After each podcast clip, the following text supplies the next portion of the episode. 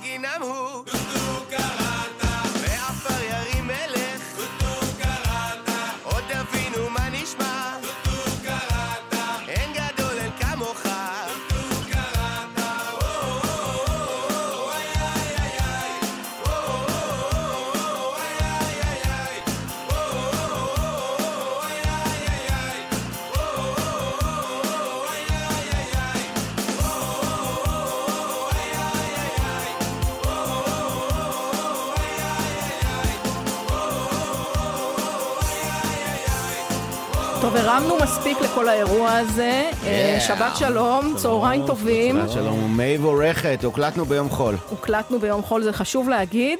הוקלטנו. לא, בסדר, אני לא יכולה אפילו להציג אתכם, אין דבר כזה, ישר הכל פה דרמה. סליחה. ישר להשתלט על השידור, אין בעיה, אין בעיה, אני אלך. לא, סתם, אנחנו לא נהיה פולנים, אה, כי זה לא המוצא שלי פשוט, חוץ מזה הכל בסדר. אה, טיפקס חוגגת 30 שנה, וכינסתי זה לדעתי... 30 שנה לרבי ג'ו, אנחנו קיימים כן. יותר מ-30 שנה. תכף נדבר על זה, לא, זה 30 שנה עד שנגיד ברמה הארצית שמנו לב שאתם קיימים, כן, אוקיי? כן, זה אולי אה, דיוק יותר טוב. אה, כינסתי, זה אפילו לא 50% מהלהקה נראה לי, אה, בטח לא לדורותיה, אבל אפילו לא בנוכחי. אין לנו פסקת התגברות פה. אה, אבל בכל מקרה, אז גל פרמן, פרמן. פרמן, איש פרא. הבנתי, יפה, אהבתי. אה, כאן, ורמי יוסיפוב, כן, כן, אהלן. וקובי עוז, כי אין ברירה. שלום. כן, ומפעם לפעם הוא ייתן גם לכם לדבר או משהו כזה, אני מעריכה, מנחשת. אה, מה העניינים? תתייחסי לזה בתור חופשה, פשוט שבי אחורה ואנחנו כבר נעשה אז את קדימה, התוכנית. קחו את זה, בואו ספרו לי איך. הכל התחיל.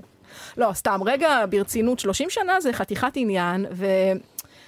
כאילו, בסדר, מכירה את כל הלהיטים ואלבומים ועניינים. ישבתי רגע לעשות סדר בראש לקראת האירוע, ואמרתי, בואנה, אתם לא נחים לרגע. זאת אומרת, זה לא שחלפה איזו שנה שבה לא קרה משהו מהותי עם הלהקה. היו, היו תקופות שהיינו מפורקים, בכלל ולא היינו. ועדיין קרו דברים, זה מה שמדהים אותי כל פעם מחדש. אה, כן, לא יודע, צריך אותנו, התחושה. גם כשהתפרקנו, אה, כאילו, אני עשיתי כמה דברים, וכל אחד אה, מהצד שלו עשה כמה דברים, אבל בגדול, אה, התחושה שלנו היא לא, היא לא אינטנסיבית. אנחנו דווקא מרגישים, אה, אנחנו חיים חיים כפריים כאלה בלב העיר. מה זה אומר? רגע, לא, אולי שנייה אחורה, אחורה פנה. אתם עדיין נחשבים להקה משדרות. כן, למרות שאני עזבתי את שדרות בשנת 89, ומאז אני משדרות רוטשילד. שזה גם סוג של שדרות. נכון. וגם אה, היינו בעיקר קיבוצניקים, זאת אומרת, קובי הוא משדרות, והיינו בהתחלה שלושה זה, קיבוצניקים. זה קצת מה שאני רוצה זה- לשאול עליו, כי אנחנו כאילו עוטף זה... ישראל באופן עקרוני. אוקיי, אז רגע. אז ה... נגיד התיאור הזה שהודבק לכם אה, קצת בצדק וקצת לא, זה משהו שהרגשתם שאפיין אתכם, נגיד, בתחילת הדרך, עוד לפני שהרבי ג'ו כפרה יצא ל- ל- לאוויר העולם? שדרות זה דבר שהיה מהותי בקום אה. הלהקה? התחושה של עיירת פיתוח אה, כן הייתה חלק מהעניין. גם בהתחלה אמרנו שבאנו מהעיירה קוסוכטו ושאכלנו ביצים רדיואקטיביות, היינו די מטורללים בהתחלה. אה, אבל כן, הרעיון הזה שזה בא מהעיירה, וזה, והבגדים שלנו בהתחלה, כשהגענו לתל אביב, היינו, אה, לבשנו בגדים מלהקת שפתיים, אני הייתי אורגניסט של להקת שפתיים, אז היה לנו בגדי, בגדי, בגדי כסף על בגדי עבודה מהקיבוץ. שזה אז- שילוב קלאסי. קלאסי לגמרי, זה, זה הקו האופנתי שלנו מאז. אז לא, גם רגע, אנחנו באמת הגענו משם, זאת אומרת, אה, ב- בהתחלה הופענו רק באזור, אה, הופענו בשדרות, הופענו בקיבוצים, אה, כל קיבוץ שהסכים לקחת אותנו. אה, והגחנו לתל אביב, או משהו של שדרות, או הופענו פעם במרתון של להקות מקיבוצים, לפי מה, ש... מי שהסכים. לפי מה שהיה צריך היינו משתבצים. אנחנו שילוב של חציר ושנל. לא, שנייה, אני אעשה רגע shout-out. אני מלמדת במכללת ספיר אה, בשנים האחרונות. עכשיו עשינו גל. וואו, אבא שלי הקים את מרכז התקשורת במכללת הנגב. וואלה. במקום שבו את... אה, אז, אז בבקשה, ואני מלמדת שם רדיו, ואפילו היום עוד אה, זה לפעמים מוזר החיבור הזה בין שדרות העיר לבין הקיבוצים בסביבה. זאת אומרת, זה לא מובן מאליו, זה לא ככה בכל חלק בארץ נגיד. אני אה, חושב שזה בין שדרות והקיבוצים כיום, זה הכי טוב שיכול להיות. זאת אומרת, אה, אה, אני חושב שהמקומות שבהם קיבוצים ועיירות פיתוח אה, עושים איזושהי אינטראקציה טובה, הם מאוד מעטים בארץ, זה לא, לא טוב כמו בדרום. אני חושב שדווקא המצב הביטחוני והמון אה, סטודנטים וכל הדבר הזה יצרו איזושהי סימביוזה מאוד יפה. אני אה, זכיתי אה, רגע, אלדות להרצות... על אה, גרבלי הגיע עם הקפה, חבר'ה, אי אפשר בלי זה. זה... זכר ימים, הקפה. עורבב לא בשבת. עורבב לא. לא, זה מאוד נכון. אז אה, תוך מישהו כדי הקפה... את רוצה תה? אני בסדר. זה אה, בלי סוכר. זה בסדר. עכשיו אני מרגיש בבית. ככה, ש... ככה מארחים. זכר ציפורי לילה מלפני... אנחנו, יש לנו ותק לי ולאלברט, אנחנו עשינו חיים פה חובה אה, הזמן. ישבת פה על האולפן, טוב טוב. אה, אפילו בפלות אפילו הוא הביא בפלות, לכם. חברים. זה אירוע. הבפלות הם לא הוקלטו בפסח. לא נלעסו. אה, אני, אתה אומר, ויכול להיות שזה חלק מהעניין, המצב הביטחוני בדרום, אבל אתם המ- נולדתם לפני. זה, אנחנו פרי של דבר שנקרא שיתוף שדרות שער הנגב. ראש המועצה של שדרות וראש המועצה האזורית, זה אמיר פרץ ושי חרמש. חרמש. הם החליטו אה, שאנחנו וה... שבני נוער ייפגשו ויעשו כל מיני דברים ביחד. נעשה טיפקסי פרי של השיתוף הזה. קיבוצים ועיירות מסרבים להיות אויבים, עיירות וקיבוצים. בצדק. וזה, אני חושב, חלק מהעניין הזה. אה, ששדרות והקיבוצים אה, ניסו כן להתחבר וכן לעשות, אה, לדלג על הפער ועל הכעס ולנסות לעשות כמה דברים ביחד, שזה הכי יפה בעולם. אני חושב שאנחנו סוג של אוטופיה מדומיינת. למה מדומיינת? אתם ממש אה, בשר ודם, מציאות שאין דברים כן, כאלה. בתוך עצמנו כן, אבל הייתי רוצה שבארץ יהיה- זה יהיה יותר ככה. שאנשים יעבדו ביחד. אני חושב שזה הרבה יותר מאשר כל דבר אחר. אם אה, שונים עובדים ביחד, זה היסטריות. אז יוצאים הדברים הכי יפים, ככה אומרים לנו. כן. רגע, רמי, אתה ידעת שאתה תהיה מוזיקאי רציני, שזאת תהיה הקריירה? אני זאת אומרת, זה מה שחלמת? אני ידעתי שאני אהיה מוזיקאי רציני, אני חלמתי להיות נגן ג'אז מטורף, מקף פלמנקו, כן. אבל אה, פגישה מאוד מאוד מוזרה ומאוד מאוד מקרית אה, שלי עם קובי, שבאה דרך אה, חברה של בן גרעין שלי, שהייתה הקצינה של קובי, וקובי וגל אז חיפשו גיטריסט, כי הגיטריסט שלהם התגייס לצה"ל. ובאופן מוזר גם ראינו אותו לפני זה בהופעה בקיבוץ צאלים. מנגן. ג'אז. כמובן. כן. הוא היה אז בתאי הג'אזים בבית ספר רימון. חבר'ה, יהיו הרבה, הרבה משחקי מילים היום, אני מתנצלת מראש. תעמדו י- בזה. ויש לי אחר כך בדיחה למוזיקאים, אה, אבל. בפרסומות. אה, וזהו, פגישה אחת אה, עם קובי, ומאז אה, אנחנו כבר אה, ביחד. רגע, מה זה אה, פגישה? היית- עשית אודישן? היית צריך להוכיח שאתה יודע מה מה אתה שקרה, הוא עושה? התקשר מה- אליי, וואי, זה היה ממש לפני הרבה שנים, הוא התקשר אליי, ובאתי אליו הביתה, הוא גר אז בטרומפלדור, כלומר, הם כולם, גם גל וגם קובי כבר היו עירוניים, ואני בכלל יליד חולון, גדלתי בחולון. ונפגשנו, וניגנו קצת שירים, ו... וזהו. והיה סבבה, מה קרה לג'אז מאז? יש עדיין, האמת, יש עדיין, יש ג'אז ויש פלמנקו ויש פיוז'ן, אבל זה באגף אחר, מה שנקרא, חפשו בספוטיפיי. אפשר, לס- אפשר להסתכל טוב טוב על המוזיקה של טיפקס, ורמי הביא את ההרמונים המאוד מורכבים שלו, והמוזיקה שלנו, שהיא כאילו קופצנית וקלילה, היא עובדת על, על הבסיס הזה של הדברים שרמי עושה עם הגיטרה. ו... וזה זה גם עוד איזשהו אה, שכבה שאנחנו לא מדברים עליה הרבה, אבל אה, רמי לדעתי הוא אחד הגיטריסטים הכי משנים בארץ מבחינת, אה, מבחינת סאונד, והמון אנשים אה, עושים אה, דברים שרמי עשה כבר ב nineties. זה זה מאוד יפה ואני מאוד גאה בו. אתה יודע. אנחנו נצטרך להסביר אחר כך מה זה אומר הכי משנים בארץ. מה הוא עשה שהוא כל כך שונה. כי... הר- פשוט הרמוניות- שאני אוכל להגיד את הרמוניות זה. יותר, ב- מור... הרמוניות יותר מורכבות, כי אני אקח את ההרמוניה של, אה, לא יודע מה, בתוך נייר עיתון, שהוא שיר דו-אקורדי במקרה הטוב. ורמי עשה בו, עשה איתו המון המון דברים מאוד מאוד מיוחדים. סתם אה, נשמע... קבלו, די, יש, כן. במקרה יש נשמע גיטרה באולפן.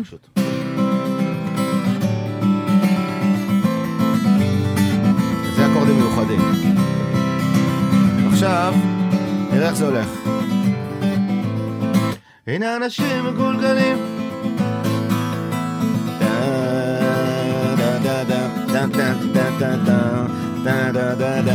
גיטריסטים לא יודעים לספור את זה אפילו, זה לא רק מרוקאית, זה מרוקאית וספרדית ביחד, וזה כל הזמן מתהפך, וגם ההרמוניה הזאת מתפתחת ביחד עם השיר. אז כאילו, לכאורה השיר שומר לא, על שנייה, איזה... שנייה, רגע, כאילו, למי שלא כותבת מוזיקה להנאתה ולא ממש מבינה בזה, אתה כתבת את זה על שני אקורדים שהם אה, היו למעשה, סבבה והם אחלה. למעשה זה לקט של אלמנטים אה, מרוקאים אה, ברברים, שביצעתי מהם, יצרתי מהם שיר חדש לגמרי, וההרמון שנמצא מתחת, מה שגורם לאוזן אה, אה, להישאר, לתפוס, לתפוס את זה כשיר... אה, רגיל וקביל, ולא מוזר מערבות אפריקה, אה, זה העבודה שרמי עשה מתחת. וואלה. טוב, למדנו משהו אה, בעניין הזה. אנחנו כאילו נגיד- זה זה נשמע, وحتمشي السبيط ارجيني مزروحة واو آه واو واو واو يريد في والماء هبا ويبا عندها شفوك يجيد זה הבסיס. תוסיפי לזה את ההרמוניה של רמי, פתאום אה, נוצר איזה משהו, ופתאום המרוקו והספרד וכל זה פתאום מתחבר, וקורה איזה משהו אומרת, אה, פתאום אפשר לשמוע את זה בלב. גם בגלגלצ. כן, למרות שהיה לנו קשה מאוד עם ה- עם- עם בהתחלה לא השני. הכניסו את זה. כן, זה היה מאוד קשה. תראו. יש לנו טריק מאוד יפה שעשינו, אבל אני לא יודע אם זה הזמן לספר אותו. אנחנו פשוט, אה, מדובר בחברים, תחנה אחות וכל זה, אבל בואו ניכנס בה עם אמא שלהם, מה הטריק שעשיתם? אה, אה, אנחנו, באלבום הראשון זה היה רבי ג'ו כפרה, והשיר המרכזי שתפס היה רבי ג'ו כפרה. אחר כך עשינו אלבום, הוצאנו אלבום שנקרא האחרון בעשירון התחתון, יותר אקוסטי, יותר חברתי. שיר הראשון שהוצאנו עננה, אף אחד לא השמיע. למרות שהוא יפהפה בעיניי, כן? אחר כך השמיעו, ואז אחר כך הוצאנו את בתוך נייר עיתון, גם כן אף אחד לא השמיע, לקחו אותנו חברת התקליטים, אני, אני איכשהו זוכר שזה היה בביליארד בקפה נוגה. לא יודע, אמרו לנו, אמרו לנו, תקשיבו חבר'ה, אנחנו יורדים מה, מהקמפיין, הוצאנו את הסינגלים, אף אחד לא משמיע את השירים, אה, אנחנו מוותרים על זה. לקחנו 600 דולר, לקחנו אה, צוות אה, צילום, והלכנו למקום שנקרא סירטקי. סירטקי זה פה מועדון... בכניסה ל- זה ריקוד יפו. יווני, אבל חוץ כן. מזה זה גם היה היה מו- מועדון. זה היה אה, מועדון מוזיקה יוונית על הים ביפו, ושיל, וצילמנו שם קליפ, ובקליפ יש פטנט. אנחנו עלינו על הבמה כשהקהל היווני לא סבל אותנו. שרנו את השיר בתוך נייר עיתון, והקהל הסתכל עלינו בבוז ואף שבר צלחת על הראש שלי, ולא, וזה לא היה כי הם אמיתי נהנו. לגמרי וזה מצולם. כן? אבל הצלם צילם רק אותנו, לא צילם את הקהל ששונא אותנו. אחר כך עלה הזמר היווני. הוא שר את השירים וכל הקהל קם לרקוד, ואז צילמנו את הקהל. יצא קליפ שבו רואים קהל ים תיכוני על הים, נהנה ממוזיקה נהדרת של טיפקס, ו- והחיבור הזה אמר לאנשים, חברים, המרוקאית הזאת זה גם ים תיכונית, אפשר ליהנות מזה. ואז היו שידורי הניסיון של ערוץ שצריך- 2, צריך שודר להבין- כן, אלף כן, פעם. גל, מה צריך להבין? לפני זה, שבשיחה עם החברת תקליטים, הם אמרו שהם דוחים את ההוצאה של האלבום. זאת אומרת שזה לא, מבחינתם זה לא כי מתקדם לשום מקום. הסינגל לא הצליח, כי זה לא השירים עובד, לא, זה לא לא התקבל זה, ברדיו. כן. ואז התחילו השידורי ניסיון בערוץ 2, והם חיפשו אה, דברים לשים בשידורי ניסיון. היה הקליפ הזה. פנו אלינו, ושאלו אם אפשר להשתמש בקליפ. אמרנו, בשמחה. כשאתה אומר פנו ושאלו אם אפשר להשתמש, כי הם לא התכוונו לשלם תמלוגים או משהו. אני מניח שהיו לי סיבות למה הם פנו לא דווקא משנה, לשיר אבל הזה. האלבום לא, אבל הזה, זאת אומרת, זאת האלבום הסיבה הזה שהם הלכו לטיפקס עם שירים שלא כך הצליחו, ולא נגיד ביקשו מהלהיט הגדול ביותר באותה תקופה. האלבום הזה על כל שיריו אה, הפך להיות אה, די מהר אלבום זהב, והושמע מאוד מאוד יפה, כולל עננה, כולל זמנים קטנים. זה היה האלבום השני שלנו, וזה היה רגע של משבר, כי אנחנו התחלנו בתור להקה קומית, סאטירית, קופצנית מאוד, ובאלבום השני אה, פתאום אה, חיברנו גם את כל, ה- את כל הקטע היותר רגשי ויותר חברתי שלנו. מה זה יותר? מאוד חברתי. דיברנו רק על הצד המוזיקלי של אה, בתוך נייר עיתון. אוקיי. זה שיר ש... זה כבר לא סאטירה, זה סתם ביקורת. אה, לא סתם, ממש ביקורת. כן, זה... לצערנו זה תמיד אקטואלי. אה, כמה עצוב, כמו שאומרים. Yes. טוב, מה שנשמע, אבל את כל השיר שלא יהיה כאילו... יאללה, בכיף. אז אה, יאללה, דניאל.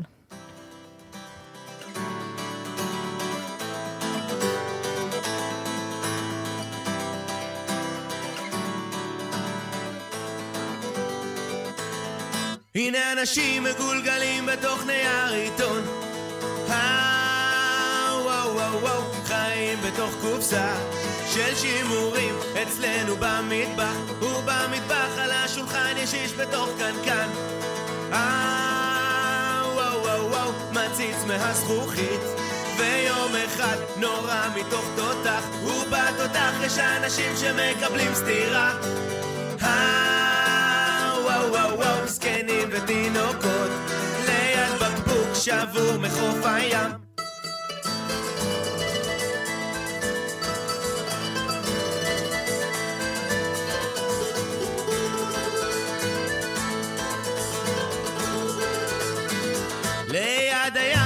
אנשים קופצים מבניינים. אה, על אצלנו בסלון ובסלון שלנו אנשים מסוג חדש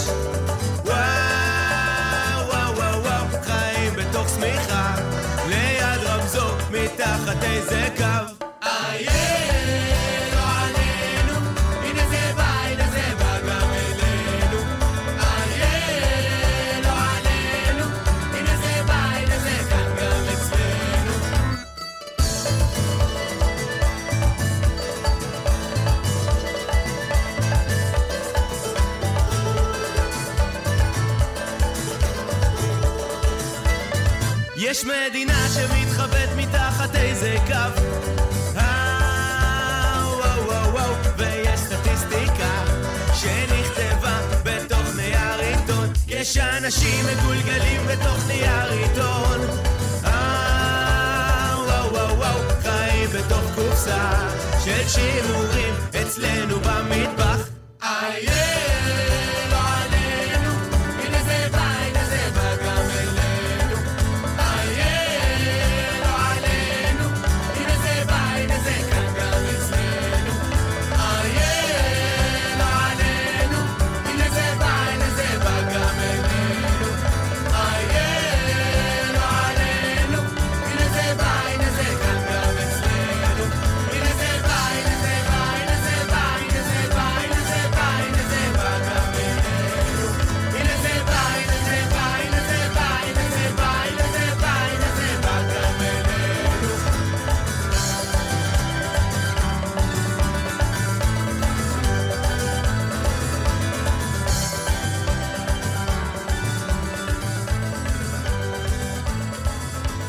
טוב, דבר אחד בטוח שקרה, אולי בזכות ה...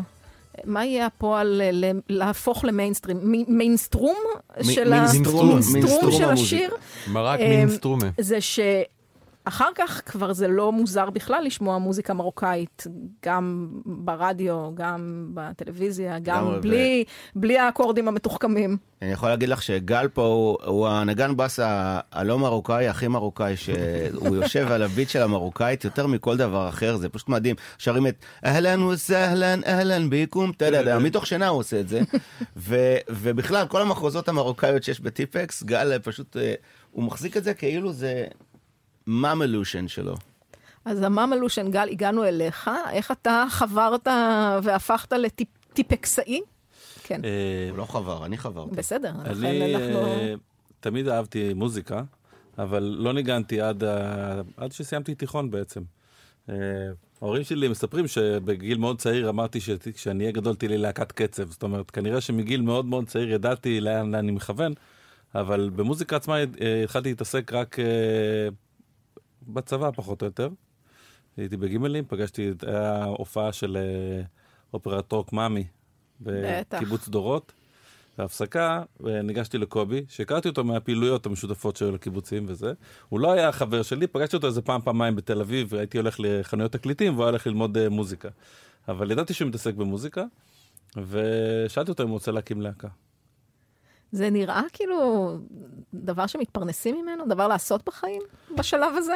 לא, אבל כשאני מסתכל אחורה וגם דרך uh, סיפורים של אנשים uh, שעטפו אותנו באותה תקופה, המשפחה, חברים וזה, זה לרגע לא היה בכלל uh, משהו שהטלנו בו ספק. אני למשל, אחרי שלושה חודשים מהיום שפגשתי אותו, חתמתי ויתור על קורס חובשים ב-669 בצה"ל, וואלה. כי יש לי להקה. זאת אומרת, שתביני ה... כמה מהר זה היה, זה מה שאני עושה. אחד הדברים הראשונים שעשינו, אה, זה ל- ל- לסגל לעצמנו מנהל, זה היה חבר שלי מהבית ספר, אבי מלול, הוא, הוא היה המנהל שלנו, וללכת להצטלם ב- אצל הצלם הכי מקצועי שהכרנו, שזה היה צלם חתונות ב- באשקלון. באשקלון. ליד התחנה המרכזית. פוטו בתחנה יש את התמונה. שלנו, איזה פוטו, הצטלמנו וח- וחתמנו אצל מנהל, שהוא חבר מהבית ספר. עכשיו- וכבר היה לנו בראש זאת אומרת, שאנחנו הבנתם שזה כדי להיות מקצועיים צריך את הדברים האלה? כן, ועשינו את זה, כן. עכשיו, גם זה לא כמו היום שאתה מצטלם וישר אתה מסתכל בטלפון לראות איך יצא. חזרנו הביתה רק אחרי שבועיים קיבלנו את התמונות. זאת אומרת, זה לא, זה עולם אחר לחלוטין. אבל מדובר בצלם מקצועי, ובכל זאת הוציא תמונה, וואו. ופוטו באשקלון זה, כן. אז שנייה, אוקיי.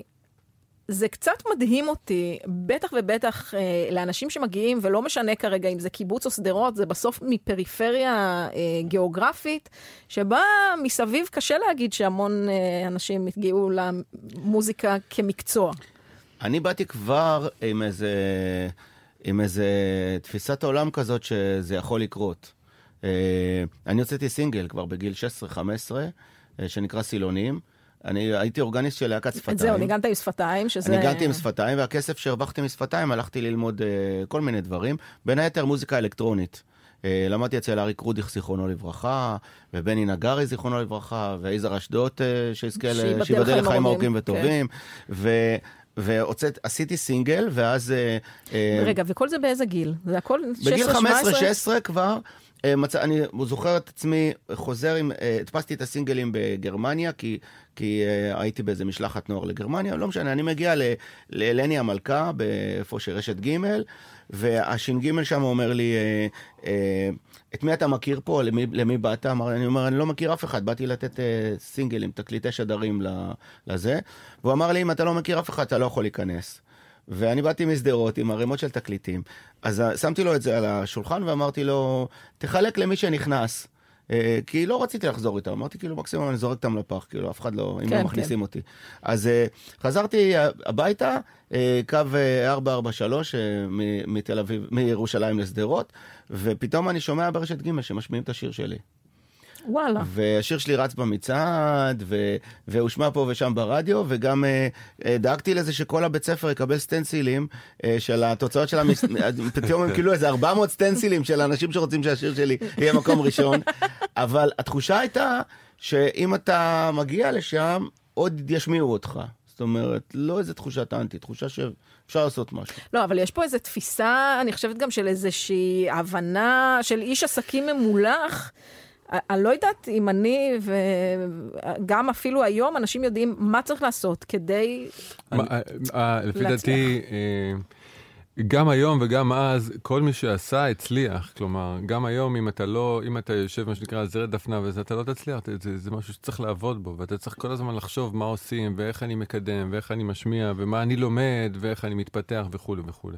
וזה, בהמשך למה שאמרת קודם, זה לא משנה איזה מקצוע זה, כלומר, אתה יכול להיות מוזיקאי, אתה יכול להיות uh, מתמטיקאי או משהו כזה. Uh, תעבוד בזה, זה יקרה. גם, גם ועכשיו, היינו- עכשיו אני חייב לציין משהו, אני, מה אני גיליתי תמיד, עכשיו? שנייה רגע, לא, לא, אני רק אתן. כוכבית, כי אני תמיד אוהבת אה, להזכיר למי שמאזינה או כן. מאזין, שזה נכון, אבל צריך גם שתהיה מוכשר, זה לא מספיק לעבוד לא, בזה. ברור, ברור. תשמעי, קובי אח- למד אצל בני נגרי. כן. עכשיו, גם אני למדתי אצל בני נגרי.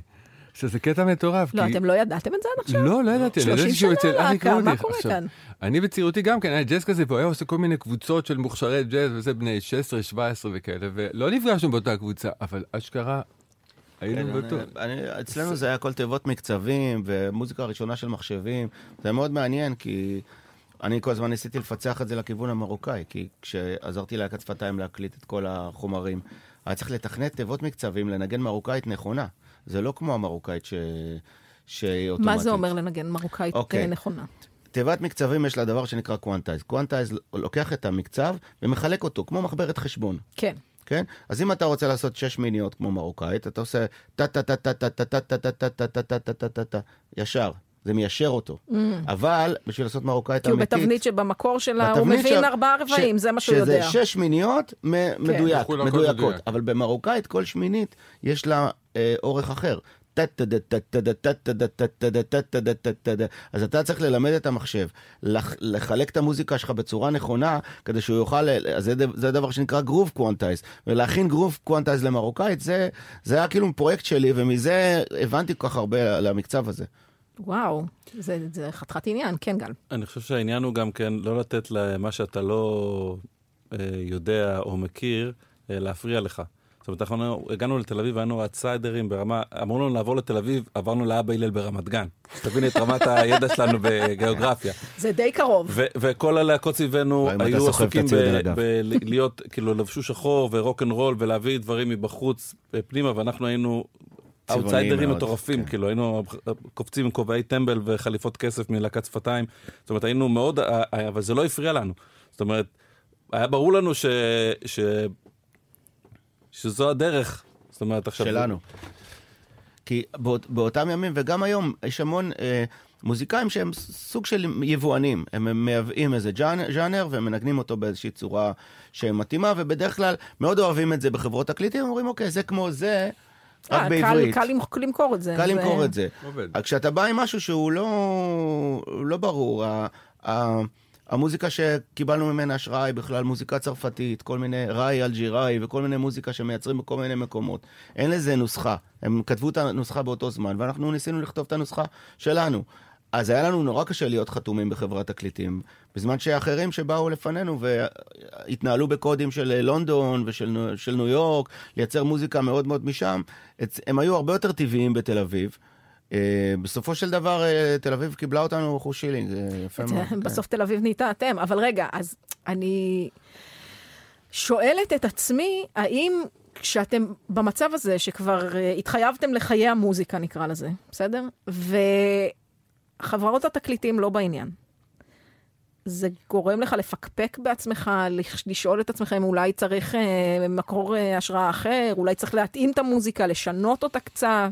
אה, התשובה, כל פעם שאתה אתה נכנס לייאוש כזה, אז uh, התשובה שלנו הייתה uh, שתי מילים, כוכב שבתאי. זה היה חנות למשחקי וידאו אוקיי. ב- בדיזינגוף. היינו פשוט מבזבזים את המעות האחרונות שהיו לנו בכיס, ומשחקים משחקי וידאו, ואיכשהו זה שימח אותנו. אז uh, להקות צעירות, אם אתם בייאוש, תמצאו לכם דוכן. ארקייד, ולכו לשחק משחקי וידאו, זה תמיד משמח. אבל זה גם לא הדבר עצמו. זאת אומרת, בסוף אתה צריך לחזור לעשות את המוזיקה שלך ולהאמין שיהיה איזה מנהל באיזה חברת תקליטים שיגיד לך כן. כן, אנחנו הוחתמנו על ההתחלה, אה, כשהגענו לתל אביב, ואחרי כמה פסטיבלים, דני רכט החתים אותנו, בשביל אה, לדעת, אה, להבין את המפעלו של האדם הזה, שהוא מנהל אומנותי באמת אה, גאוני. הוא גילה שלוש להקות, טיפקס, רוקפור וכנסיית השכל. אלה היו הלהקות החתומות אצלו. אנחנו כאילו היינו הכי light, אנחנו היינו, היינו אמורים להיות להקת אה, אה, מונית, שכל הכלים שלנו ייכנסו לתוך מונית ונצליח להופיע. כאילו, ההופעות הראשונות באלבום הראשון שלנו היו פסטיפורים, 18 הופעות בפסטיפורים, לפנינו היה כלב מאולף. אה, מאוד נחמד, היה, לו מלא. טריקים על סטולים כאלה שהוא קופץ מפה לשם. הייתי רוצה לעשות איזה טיול שורשים, אולי נארח אותו בהיכל התרבות או משהו, נראה כבר. כן, אם הוא בסדר, אני לא יודע, אני לא בטוח שהוא בסדר. תראה, אני אגיד לך מה הבעיה. אני אפחלץ אותו. היכל התרבות, שזה עוד אה, בפברואר, זה כבר אין כרטיסים, אז חבל כן, לבזבז את הגימיק. עליו, תשמור אותו, כן. באמת יש, אגב, יש לכם הופעה בפורים לדעתי, נכון, בעמק חפר, תביאו אותו לשם. לפורים אנחנו באנגר 09 בעמק חפר ומארחים את פלד, הראפר המופלא. וואו, אין דברים כאלה, אז- כן. אז לשם צריך להביא את או. למימונה בברבי.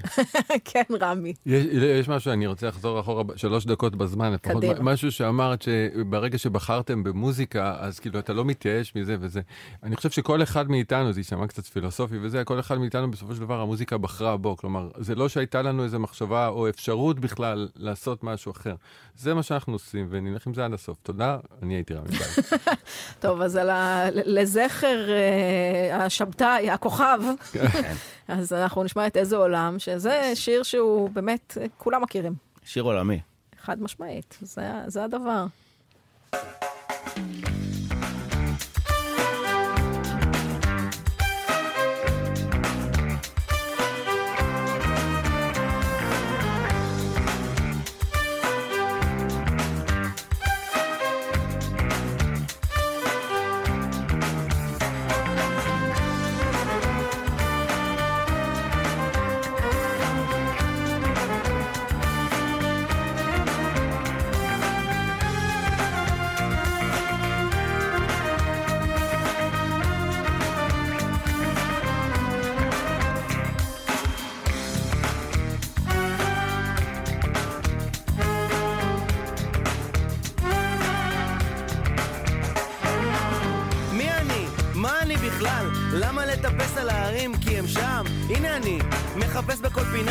שאל אותי נזיר מההימאליה, מי אתה? סוג של טפיל אולי, כנימת עלים. סוג של תולעת משי, אבל נראה כמו ההורים שלי, שאוהבים אותי ועושים לי יום הולדת כל שנה. איזה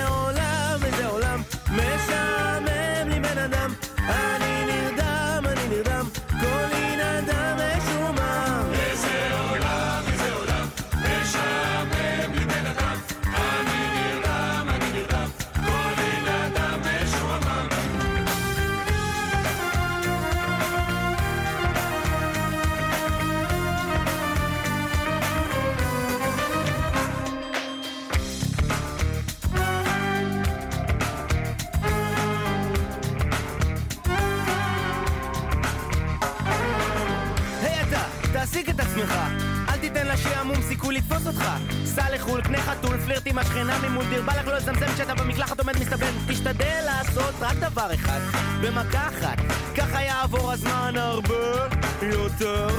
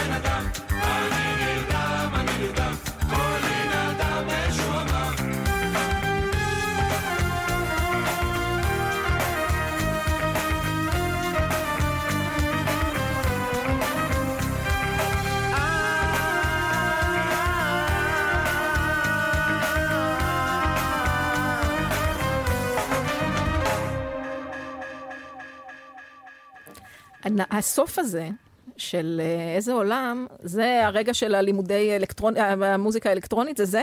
זה משם? זה דווקא היה חליל, כאילו חליל עם דיליי. נו, בסדר, כן, אבל מאוד, זה אה, בשביל כן. להכניס איזה אפקטים... זה אפקט של ניי כזה.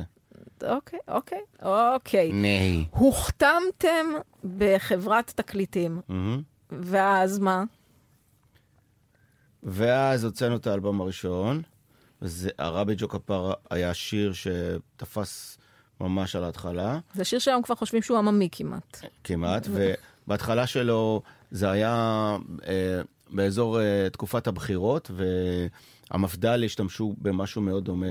כיצד מקדים, כיצד מקדים, לכלה, או, או, איי, איי, איי.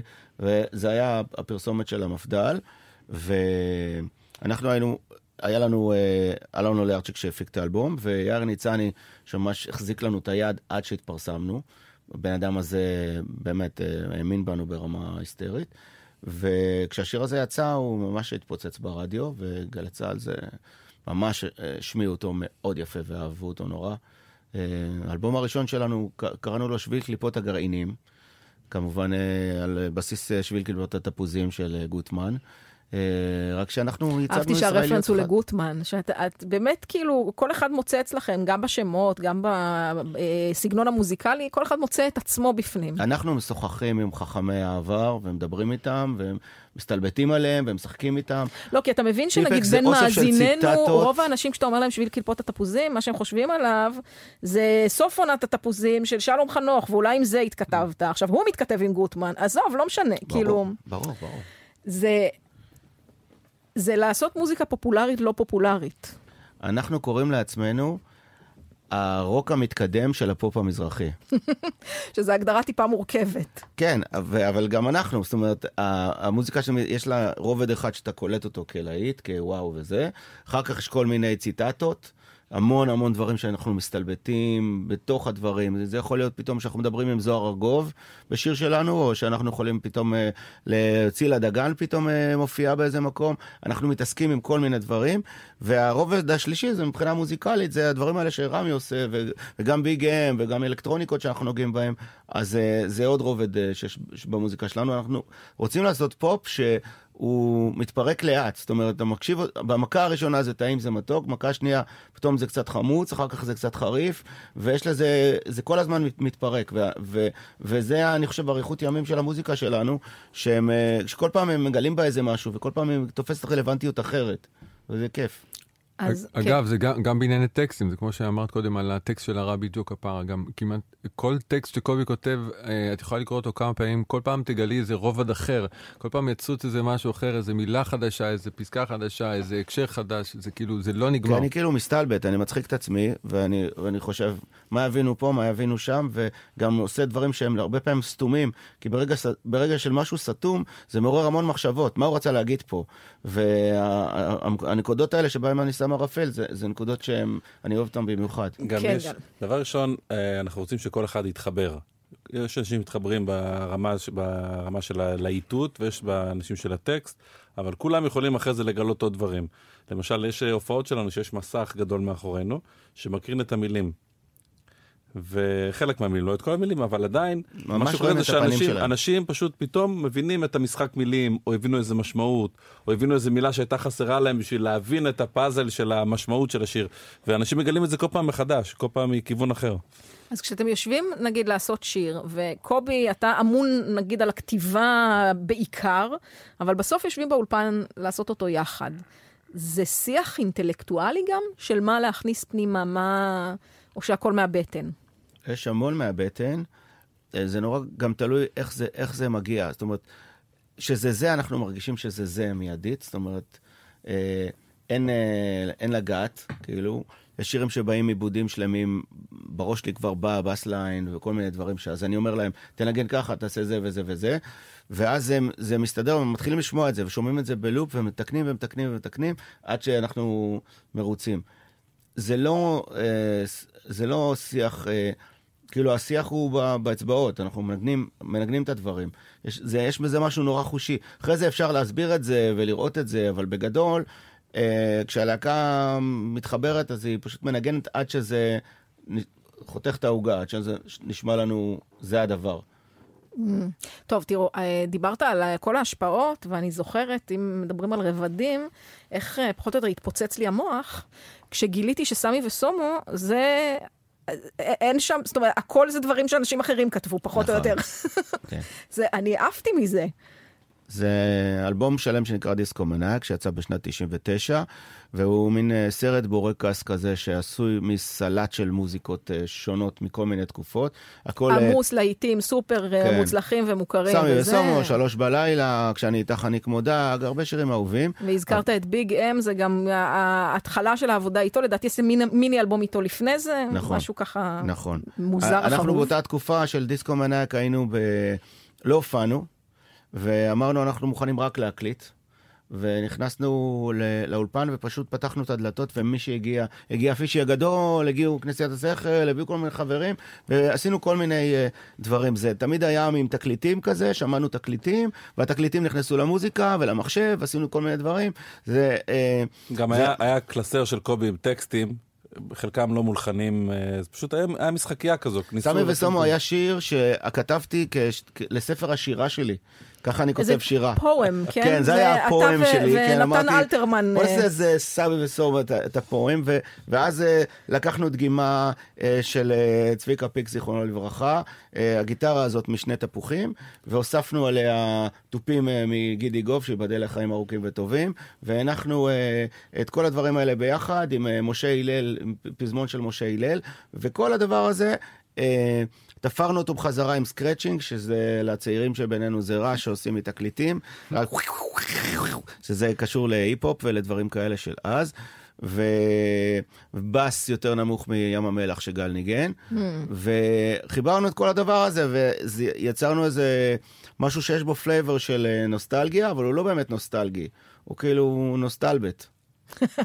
נוסטלבט זה יפה, זה מעניין, אהבתי. אה, אני... שוב, אני חוזרת לזה שאמרת שאתם אה, נשענים על אה, חכמי עבר, כן. וזה אומר להכיר, נגיד שני תפוחים זה לא הלהיט הכי גדול של צביקה פיק, הוא שיר מוכר לדור מסוים. אני מומחה של, אה, אני, אני גם, גם גל. יש שם... אנחנו- אה, יש לנו... יש לנו אה, שעות כן, של ש- שעות של שעות של של שמיעה, של כן. נבירה ב- בדברים. דווקא מדליק אותנו על לחפש ב- באזורים האלו, באזורים הלא... פחות זה- מוכרים. אנחנו רוצים שהתבלין יהיה מרומז. אנחנו לא רוצים לעלות על איזה להיט גדול שכולם מכירים את כל התווים בו. לא עכשיו רוצים- לשים את הללויה של חלב ודבש. בדיוק, אנחנו רוצים שה, שזה יהיה מרומז, שיהיה תחושה, שיהיה איזה ריח של איזה סיר ישן של איזה דודה, כאילו, למצוא את הדבר הזה, זה, זה מה שאנחנו מחפשים, ו, ועד היום אנחנו שומעים מוזיקה ביחד. זאת אומרת, טיפקס, כשאתם רואים אותנו עולים על הבמה, לפני זה אני עוד אה, תקלטתי ללהקה ואנחנו רוקדים מחוץ לבמה. וואלה. כשאנחנו עולים, אנחנו כבר ב, בתוך, אה, בתוך מה- מסיבונת. מה צריך לעשות. כדי לקבל הזמנה למסיבה הזאת? אה, פשוט לבוא מאחורי הקלעים במימונה בבר. ולא יש- גם פלייליסטים. שקובי, אנחנו שמים את זה בפלייליסטים של... אה, בספוטיפיי של Backstage טיפקס. פלייליסט של טיפקס, ואפשר לראות מה טוב, אנחנו זה שומעים אפשר לעקוב. אחריכם בספוטיפיי ולראות את ה... אה, כן, שם, יצאנו כן. פה עם סקופ מטורף. טוב, יאללה, בואו נשמע את סמי וסומו כדי שהמוח שלי באמת יתפוצץ. סמי וסלמון.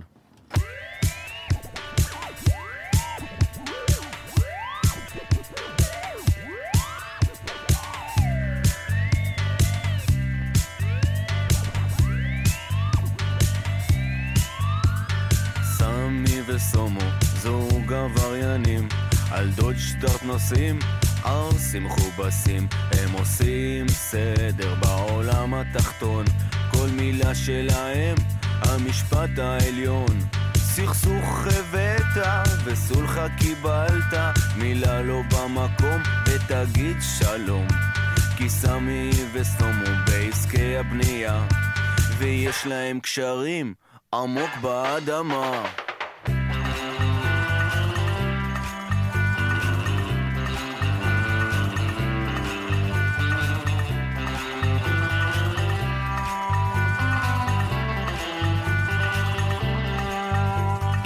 אם לסמי תתחצף, כדאי שתתחפף, כי סומו יישב עליך עד שתצא ביצה. אז דיר באלק אחי, וצפה פגיעה, קיבלת פנס באחת, מיד תביא את השנייה.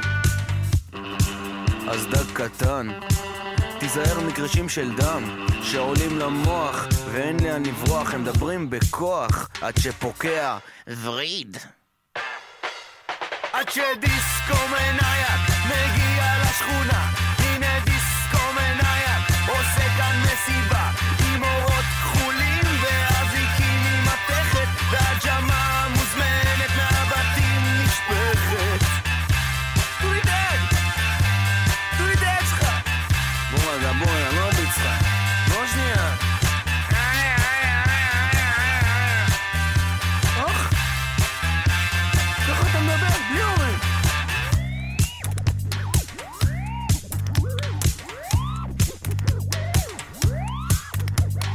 וסמי וסומו רוקדים. את הטנגו משטרה. הם כל כך משתוללים. מקיאים על הרצפה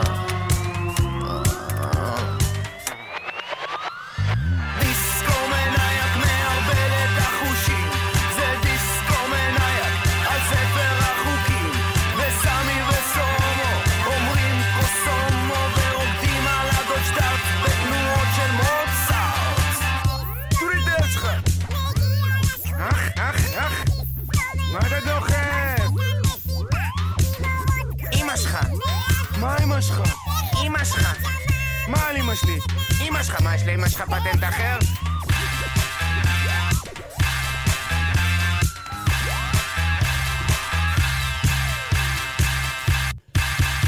את היד שלך איזה יופי. אין, זה כל פעם חדש לשמוע את זה ובאמת לגלות את ה... איזה כיף שהשיר הזה עוד מעט לא יהיה רלוונטי, כי הם אגרו את כל הפשע ולא יהיה יותר אה, ודאי. אלימות זה ופושעים. יהיה זיכרון רחוק. נכון, אנחנו פשוט לא נזכור את זה יותר. נתגעגע אבל קצת. תגידו, וואו, עבריינים, איזה קטע. מעניין. תראה, אני- האמת היא שמה שאני רוצה לעסוק בו כעת, זה רגע על הסגנון המילולי אה, שלכם, שנכון, הוא של קובי, אבל בסוף אה, נדמה לי שאתם כולכם אה, מוכנים לחתום עליו, שזה איזשהו אה, ציור מילולי אולי, אני אגדיר את זה. זה נכון, לצ- לצייר איזושהי סצנה. אה, הרבה שירים הם כאלה, שאני מרגישה שאני אני הולכת איתך באיזה סמטה, או יושבת איתך בבית הקפה, או מה שזה לא יהיה. אחד הדברים הכי כיפים בלהיות בלהקה, זה שזה לא אתה. זאת אומרת, זה הפרויקט, זה הלהקה. אומרת, כשאני כותב אה, שירים לעצמי, אני כותב סוג אחר של שירים. אה, כשאתה זמר לבד, אז כל מה שאתה, נניח אם אתה אוהב מישהי, אז זה כאילו, זה הדרך שבה אתה אוהב מישהי. כאילו, האתה זה נורא דבוק בתוך ה... ובלהקה, אתה יכול לכתוב שירים לחבר'ה, ואז אתה כותב כל מיני טיפוסים וכל מיני סיטואציות. זה לא בהכרח אתה, ויש משהו אה, מאוד משחרר ב, ב, בדבר הזה. כי אנחנו מוצפים מסביב, המון המון זמרים עושים אה, שירים אה, אישיים מאוד ופצועים מאוד, ושמשרתים את הפרסונה האישית שלהם מאוד, אבל כשאתה בלהקה, זה, זה, אתה יכול ממש אה, להשתעשע עם טיפוסים ועניינים ועולמות אחרים, ו, וזה כל הכיף. אני נורא אוהב לכתוב לטיפקס, זה, זה, בעיניי זה הרבה יותר אתגר והרבה יותר משחרר וחופשי מאשר לכתוב לכל דבר אחר. וזה טיפוסים שכולכם מכירים? חלקם. אני חושב לא ש... להגיד שמות, לא, לא, אני חושב פשוט לא ש- לדאוג. שקובי, המחמאה הכי גדולה בעצם ש... שאני מדי פעם קורא, זה כשנגיד מישהו מצט... נותן איזה שורה, לאו דווקא משיר של טיפקס, והתגובה היא, זה נשמע כמו שיר, ש... כמו שיר של קובי עוז.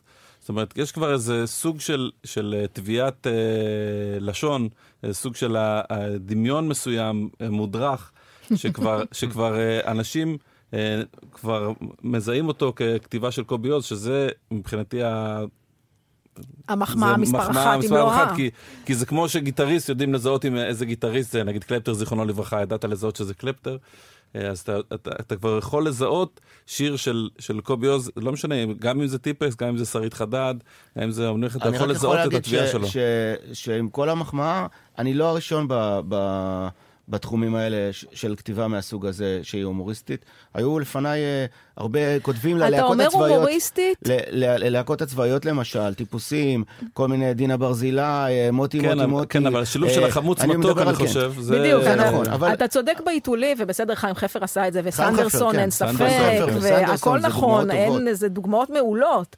אתה לא מצחיק רק בשביל הצחוק. לא, זה לא, משהו, זה לא כן. פאנץ'. נגיד, חשוב נגיד להגיד. מד"א, הווין, אוקיי? שיר נהדר, כן? למשל, אבל- שזה שיר שהוא, שהוא סאטירי וזה, אבל זה, זה שיר שאתה היית כותב אותו אחרת. אתה היית מביא אותו בצורה שהיא קצת הייתה מביאה עוד איזה רובד ש... שאין.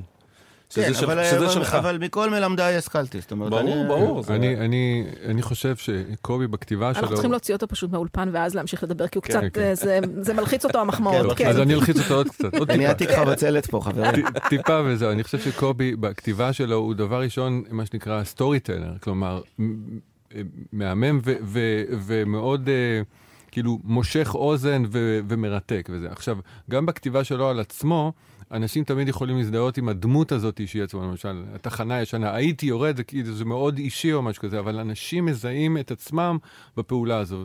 אחת כמה וכמה בכתיבה ה...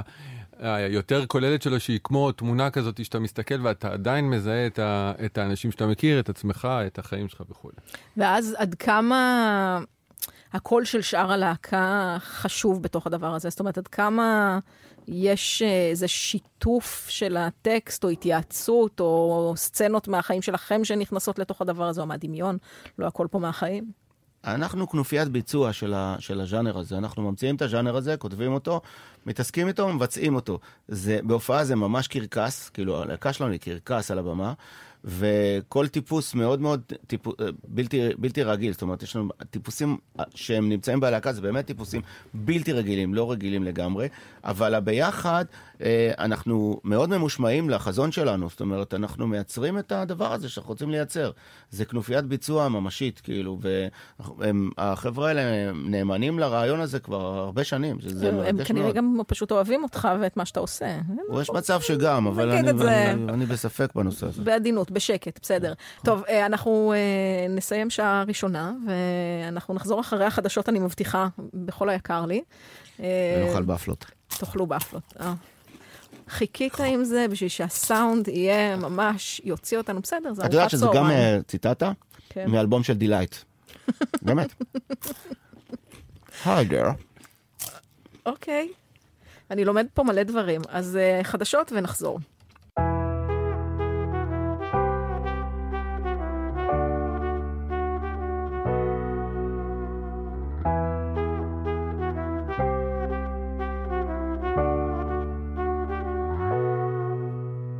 תראי אותי, אני כבר מתנהג אחרת, כותב פתאום שירים על רגשות.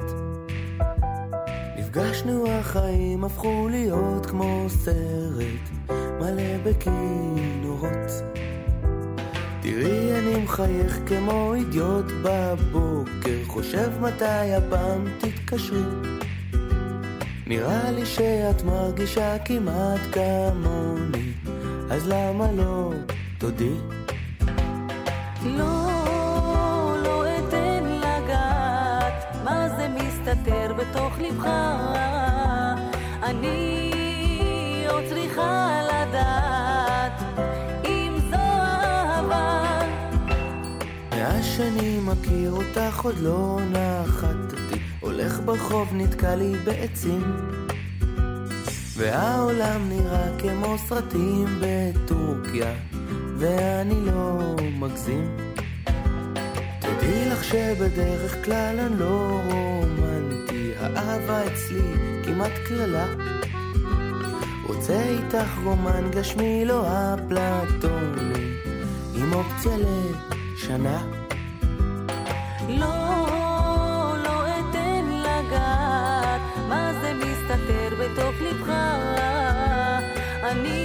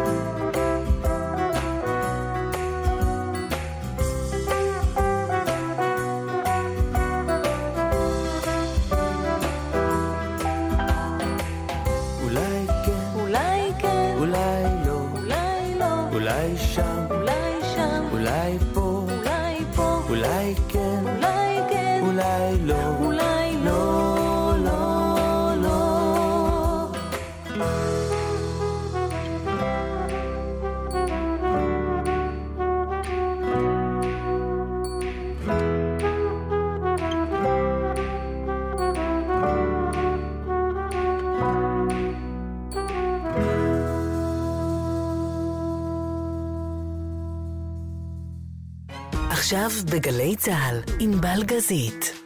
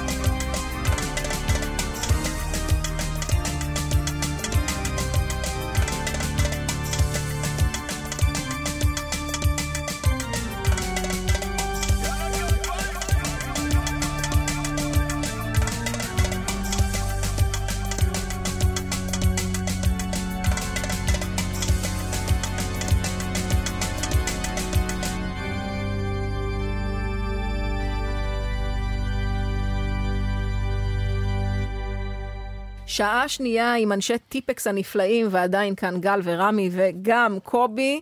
אה, התחלתי... רגע, בוא נגיד מי לא נמצא איתנו. מי לא נמצא איתנו?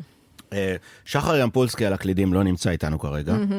אדם מאדר שמנגן על 747 כלים, והוא מטורף, לא נמצא איתנו כרגע. אה, שני שני יצהרי, הזמרת שלנו, גם לא נמצאת איתנו כרגע. לא בסדר. מוטי יוסף על התופים, איננו כרגע. אנחנו... אה, הרכב רק, חסר. מה שנקרא מייסדי הלהקה, ותיקי הלהקה, הווטרנים של הלהקה. פה. המייסדים. כן, הווטרנים וטרנים. הוותרנים של הלהקה. וטרנים, אה, כפי שהבנו בשעה הקודמת, עם כל עניין ה... בהתחלה זה לא הצליח, על האלבום הראשון, על האלבום השני, כן. על האלבום השלישי, בהתחלה זה לא הצליח, אז אתם למודי קרבות גם באמת. וזה אה, אכן העניין. אמרנו, התחלנו כאילו מההומור והמורשת שלו, אבל בסוף, שיר כמו התחנה הישנה שהזכרת, הוא לא קומי. הוא אולי יש בו איזה רגע, גם לא בטוח, תלוי מאיזה צד של התחנה אתה מסתכל. אני לא יודע, למי מכם שיצא לעבור בתחנה של, זמן- של אז, זה לא קומי בכלל. לא אז זה- ולא היום אגב. אה, היום גם החדשה. רגע, אני בקרוב כותב שיר על התחנה החדשה. אה, שיסגרו אותה כבר, חברים. אה, זאת אומרת, זה, זה ממש, זה כמעט שנסון במובן הזה. הדרך לתל אביב ומתל אביב היא, היא, היא באמת השפגת התרבותי שלנו. אנחנו, הרבה אנשים בארץ הם או באו לתל אביב, או יצאו מתל אביב, או רחוקים אה, מתל אביב, או קרובים לתל אביב. הכל אה, קשור לדבר הזה, והתחנה הישנה זה דוגמה מאוד טובה, אבל אני חושב ש... אה, אני מזוהה כשדרותי, אבל השירים התל אביביים שכתבתי הם בעלי משמעות.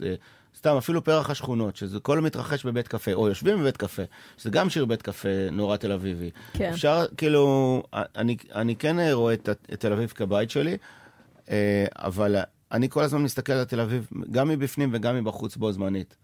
ויש יש לי מה להגיד עליה המון. גם נדמה לי שאתה מסתכל על תל אביב, לא זו שתמיד מדברים עליה. לא הבועה, אלא מה שצמוד אליה קצת. כן, אם כי זה, זה קצת מוזר, אני מגדל את הילדים שלי בתל אביב. הילדות שלי חוזרות מהבית ספר, הולכות לסנטר, ו, וכאילו בשבילי אה, להגיע לסנטר, זה היה המקום שבו למדתי, לא יודע, מוזיקה, ואכלתי המבורגר בפעם הראשונה, וכל מיני דברים כאלה. ואני רואה את הסנטר מהבית שלי, ואני עדיין ילד משדרות שמאוד מתרגש להיות במקום הזה, ויש לי גם ביקורת עליו, אז... אז כאילו, ביקורת על האדישות וביקורת על המנותקות והמון דברים כאלה שהם, שהם אה, תל אביבים, אבל אה, אני חי על, ה, על הדרך. גם גל, לדעתי, מרגיש ככה. אני, הסבא וסבתא שלי, אני גדלתי בקינג ג'ורג', הייתי מגיע לקינג ג'ורג' בתל אביב, היה מותר ללכת עד הר רמזור, שזה איפה שהבית של קובי היום. זאת אומרת, זה היה... אל תגלה להם. יעשו לי הפגנה אחר כך. אה, וזה זה בעצם סוג של... אנחנו חיים, אנחנו אתה בפנים, עברנו גם המון שנים פה בתל אביב בשביל לראות את ההתפתחות שלה, ומצד שני, אני נשארתי קיבוצניק, והוא נשאר שדרותי, בתפיסה שלנו את התל אביביות. איי, איי, איי. טוב, זה משהו שצריך יהיה לדון בו לא איתי. זה כבר לפסיכולוגית או משהו כזה. טוב, נשמע את התחנה הישנה ו... יאללה.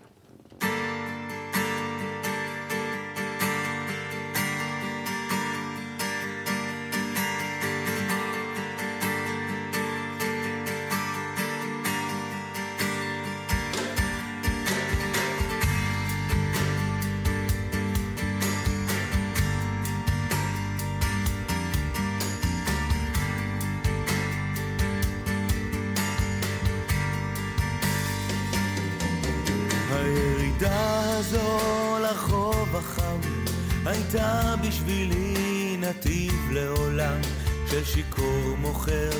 מעלה בעיקר עם בוטנים וסירופ אדום של סוכר. חגורה בעשר וקלטת מתנה מיץ ענבים ועיתון להמתנה. קולנוע שמקרין סרטים של זימה וכובע של פרסים רקמה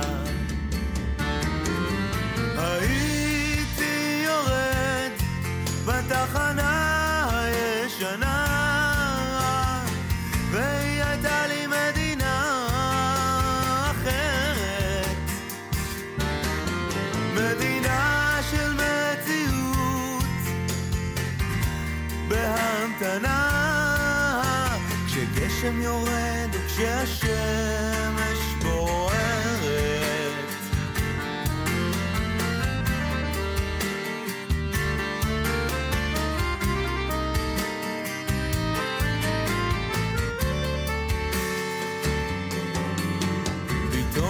שייך ולפעמים אני אחר.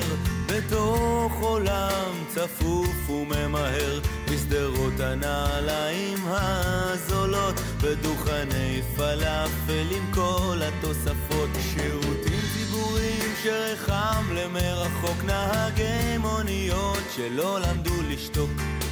שיכור ועיוור מסתכלים על העולם, אברכים מרוויחים מצווה חינם. בתחנה הישנה והיא הייתה לי מדינה אחרת. מדינה של מציאות בהמתנה כשגשם יורד וכשהשמש בוער.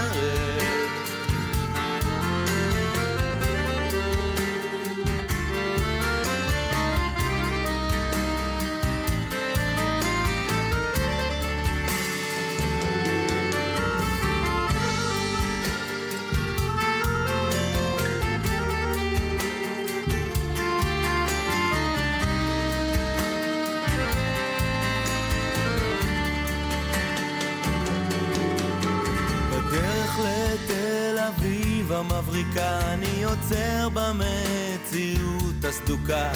של פיתה עם זעתר וביצה בצד. של ספק רבנים, ספק פושטי יד. בעשרה שקלים שלוש קלטות ושירים מוכרים מכל המדינות. והבוץ השחור על כל מדרכה ונהג מפטיר חצי ברכה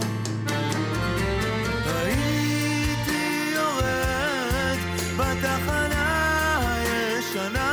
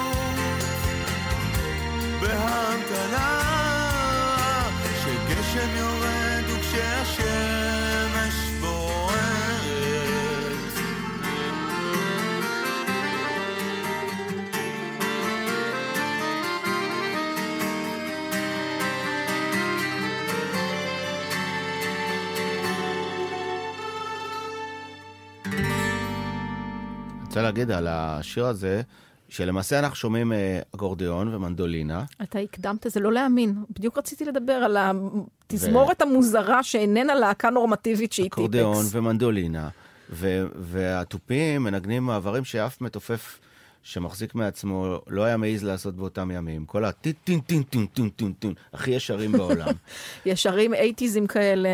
כן, ו- ואפילו אפילו ב- לפני האייטיז, זאת אומרת, הנגינה הזאת היא, היא, מדברת עם כל כך הרבה דברים שקשורים ל- לישראליות שלנו. למשל, התופים האלה זה מאוד בהשראה של קפה אצל ברטה. אה, טום, טו טק, טו טום, טום, טרקו, טקו, הדבר הזה. ו... ו אז הדרך שלנו זה, זה להגיד, הפולקלור הישראלי, לא, הם לא, לא גמרו לעבוד עליו. כי אנחנו מדינה צעירה בסופו של דבר. ודי מהר אה, הוא התקרש, וכולם עברו לרוק ולפופ ולכל מיני דברים כאלה. ואנחנו מאוד מאוד רוצים לגעת בפולקלור הישראלי. ומבחינתנו, ההרכבים האלה שהבסיס שלהם זה אורה, יש לנו גם שירים שהם אורות. אה, יש, אה, רצ- הופעות של טיפקס שהקהל רוקד במעגלים. יהיה אה, אור הנדל"נים, אל תטעה, הנדל"נים, אל כן. תטעה. שיר אה, שאני אוהבת מאוד. אנחנו מאוד מאמינים בלחזור למקור הזה, של להשתמש בכל הכלים האמיתיים, האותנטיים של, ה, של, ה, של המדינה שלנו, ולנסות לייצר איתם משהו חדש, ש, שיותר מתאים ל, לזמנים של עכשיו גם. עכשיו, כשאתה אמרת, כשאתה כותב את השירים, אז חלק מהדברים אתה שומע באוזן. זה אומר שאתה יודע שנגיד לשיר כזה צריך אקורדיון ומנדולינה? שוב, זה לא מובן מאליו. אנשים בדרך כלל כותבים על פסנתר או על גיטרה, הם אתה- שומעים אולי את הבאס, ב- בערך זה, זה, זה הסוף. שומע, אתה שומע סולו, שזה, כל הסלסול הזה הוא החתימה שלי. זאת אומרת, בכל שיר שהם... אה, זה שומעים את ה... אה, אה, אה, זה זה שלי, זה יודעים שזה שלי, זה חתימה, זה- זה זה סלסול שלי. קוריוז, כן. כן. אז נתתי לאקורדיאון לעשות את זה, שהוא כאילו ישיר כמוני. אבל כן, אני חושב שהרבה פעמים אתה יודע שזה line, ואז אתה מחליט אם זה line string זה אלקטרוני, או שזה line אקורדיאון. בשיר הזה היה די ברור, די ברור שאנחנו נעשה את זה. אקורדיאון זה, כל האלבום הזה הוקלט בקיבוץ העוגן. אה, זה וגם נשק על הדוד, האלבום שבא אחריו. והרעיון היה להיות אה, אלגנטי ואקוסטי כמה שיותר. ו... זה מה שעשינו. עבד יפה, זה הצליח. כן, כן. כן אה, לא, אבל... אגב, לא על ההתחלה. שבעה סינגלים, אה, כולל התחנה הישנה, יצאו עד שהרדיו באמת... לא, זה סיפור חייכם, זה לא הצליח בהתחלה. לא, צריך לכתוב לא- לכם על המצח, לא הצליח בהתחלה. יש אסימון גדול שלוקח לו הרבה הרבה זמן אה, ליפול, כן. אבל כשהוא נופל, הוא נופל בבום גדול. העבודה שלנו זה להרים לאנשים גבות, ושיגידו מה זה הדבר הזה. ורק כשהם קולטים אז זה, אז זה גם מצליח. אבל אם הם קולטים על ההתחלה, כי היו לנו אלבומים שעל ההתחלה הלהיטים עבדו, ואני נכנסתי מזה לדיכאון עמוק. כי אני חושב שכשאתה עושה משהו חדש, אנשים לא יכולים לקלוט את זה על ההתחלה, וכדאי להם להיות קצת מתפלאים. אוקיי. Okay. אתה משנה את העולם כשאנשים מתפלאים, לא כשאנשים אומרים, אה, ah, יפה.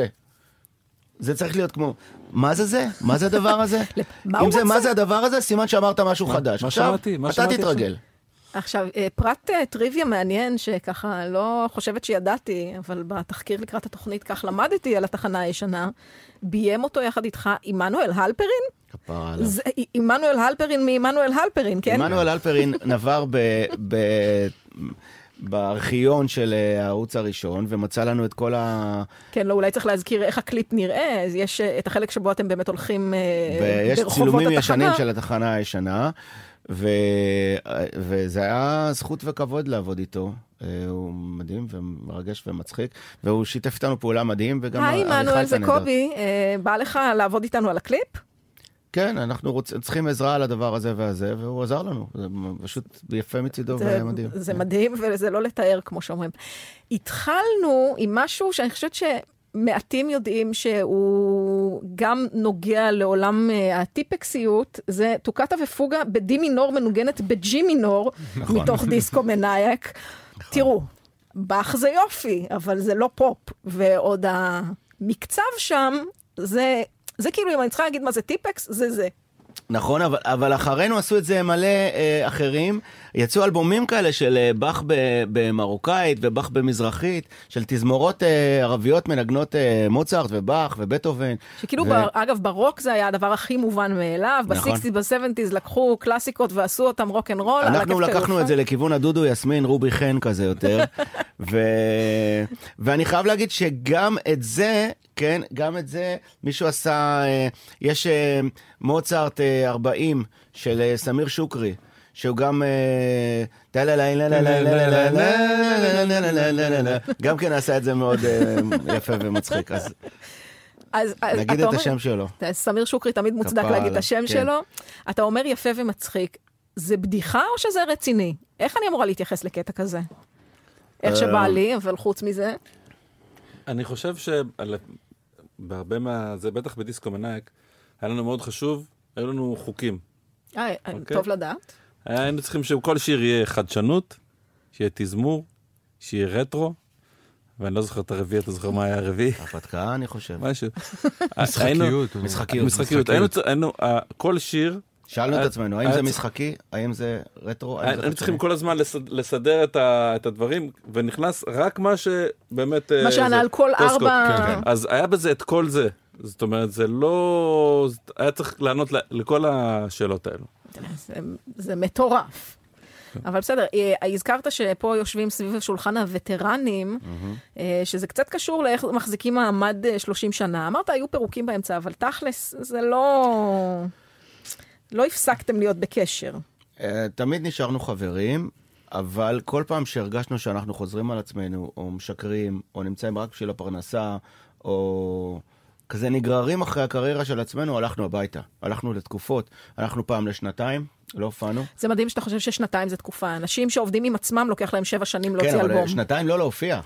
שנתיים לא להופיע זה כן, תקופה. למישהו. שוועדי עובדים דופקים בדלת ואומרים, אה, הלו, יש לי מסיבה לעובדים, לא אה, למה אתה לא בא? זה 20 כסף, מוצאים לך. כסף, זה המון כסף על כסף הרצפה, להגיד זה. נכון, זה כן. נכון. ואז גם כשחזרנו, אז חזרנו, הדג נחש היו ממש באלבום הראשון שלהם, וכל מי שרצה, זה היה מין שילוב של הופעה שלנו, שהדג נחש מנגנים לפנינו, ומי שלא הסכים לקבל את הדג כן. נחש לפנינו, אם לא אתה קיבל רוצה הופעה של טיפקס, אתה חייב חימום של הדג נחש, והם לא היו מפורסמים אז. מה- כאילו, סחבנו אותם על הגב ממש. מדוע?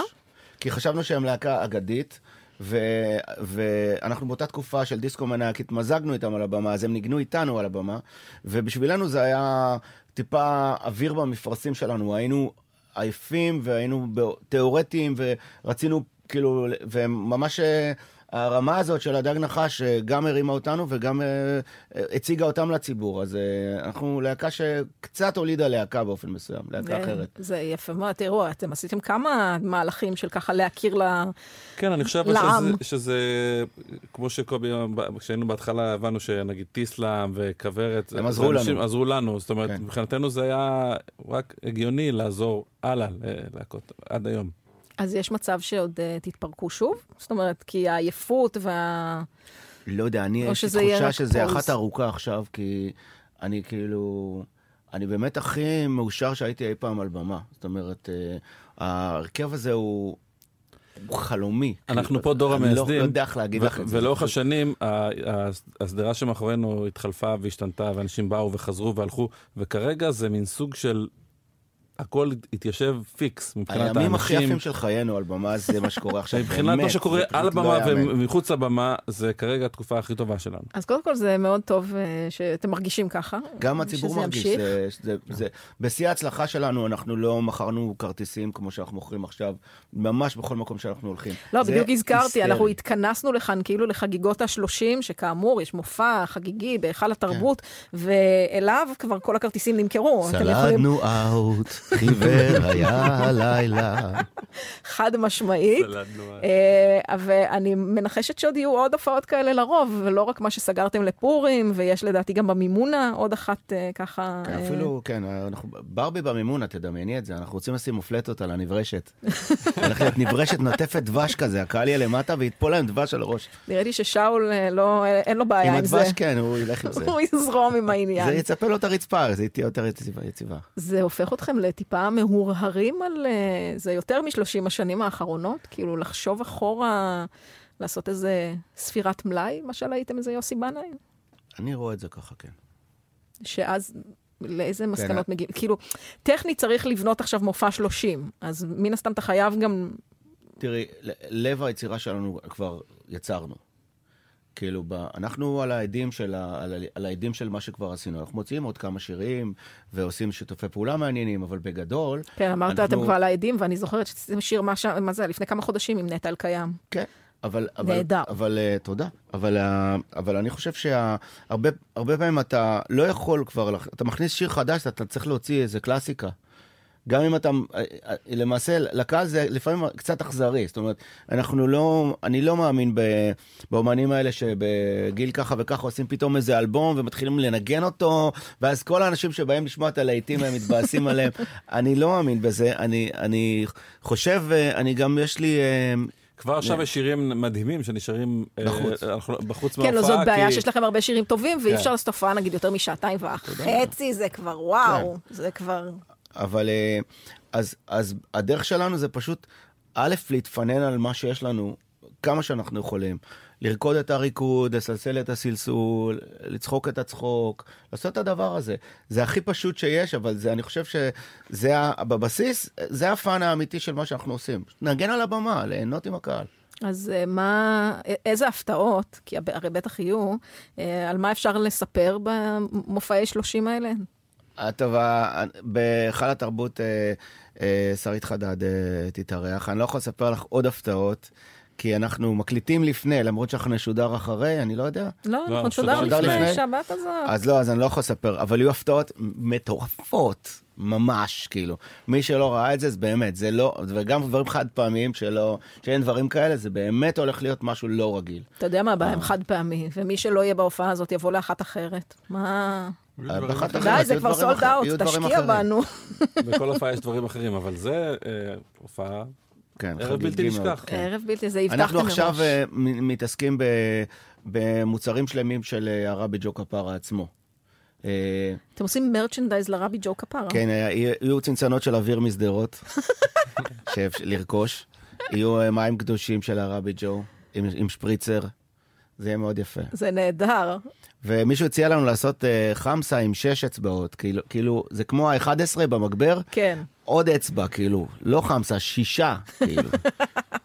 זה אהבתי את ה-11 במגבר, כאילו, כן. זה הרפרנסים הם לא רק ישראלים, אנחנו הולכים אה, ברור. לכל העולם ואחותו, מי שלא ראה Spinal Tap זאת הבעיה. שלו. אז בסדר, דרך אגב, את- אצלי במגבירים, עשינו איזה אז תמונה יש כזאת. 11? יש 11 12. אה, יש 12, נכון. 12. תריסר. אתה... על שם ש- 12 השבטים. ברור, זה מגבר יהודי, ברור. יהודי קשה. איזו שאלה. טוב, אמרנו שרית חדד, אז בואו נשמע אתכם עם שרית חדד, ואז נמשיך. Istuana Jacqueline Adam Khatarmier Sound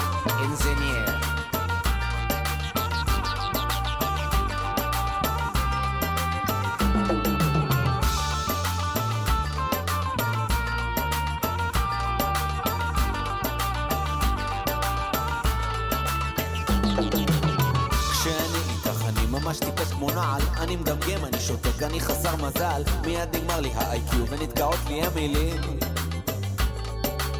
כשאני איתך אני ממש כמו אמבה ומתנהג כמו שובב בן שש אולי בן שבע. כי כשאני איתך אני כמו דרג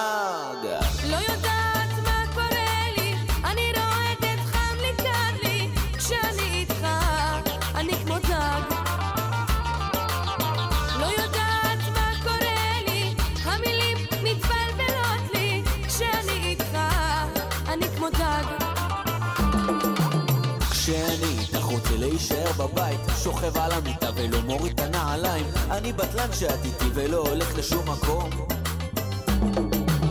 כשאני איתך נדבק לי מין מבט דבילי ומחכה בסבלנות עד שתחייכי לי כי כשאני איתך אני כמו דרג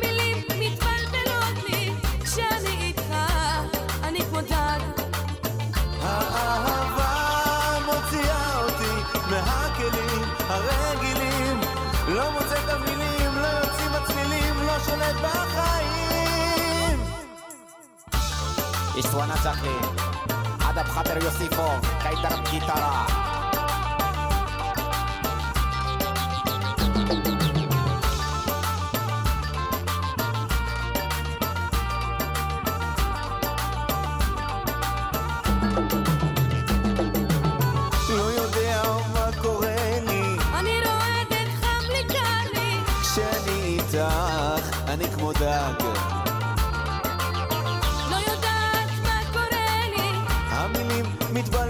לי כשאני איתך, אני כמו דג.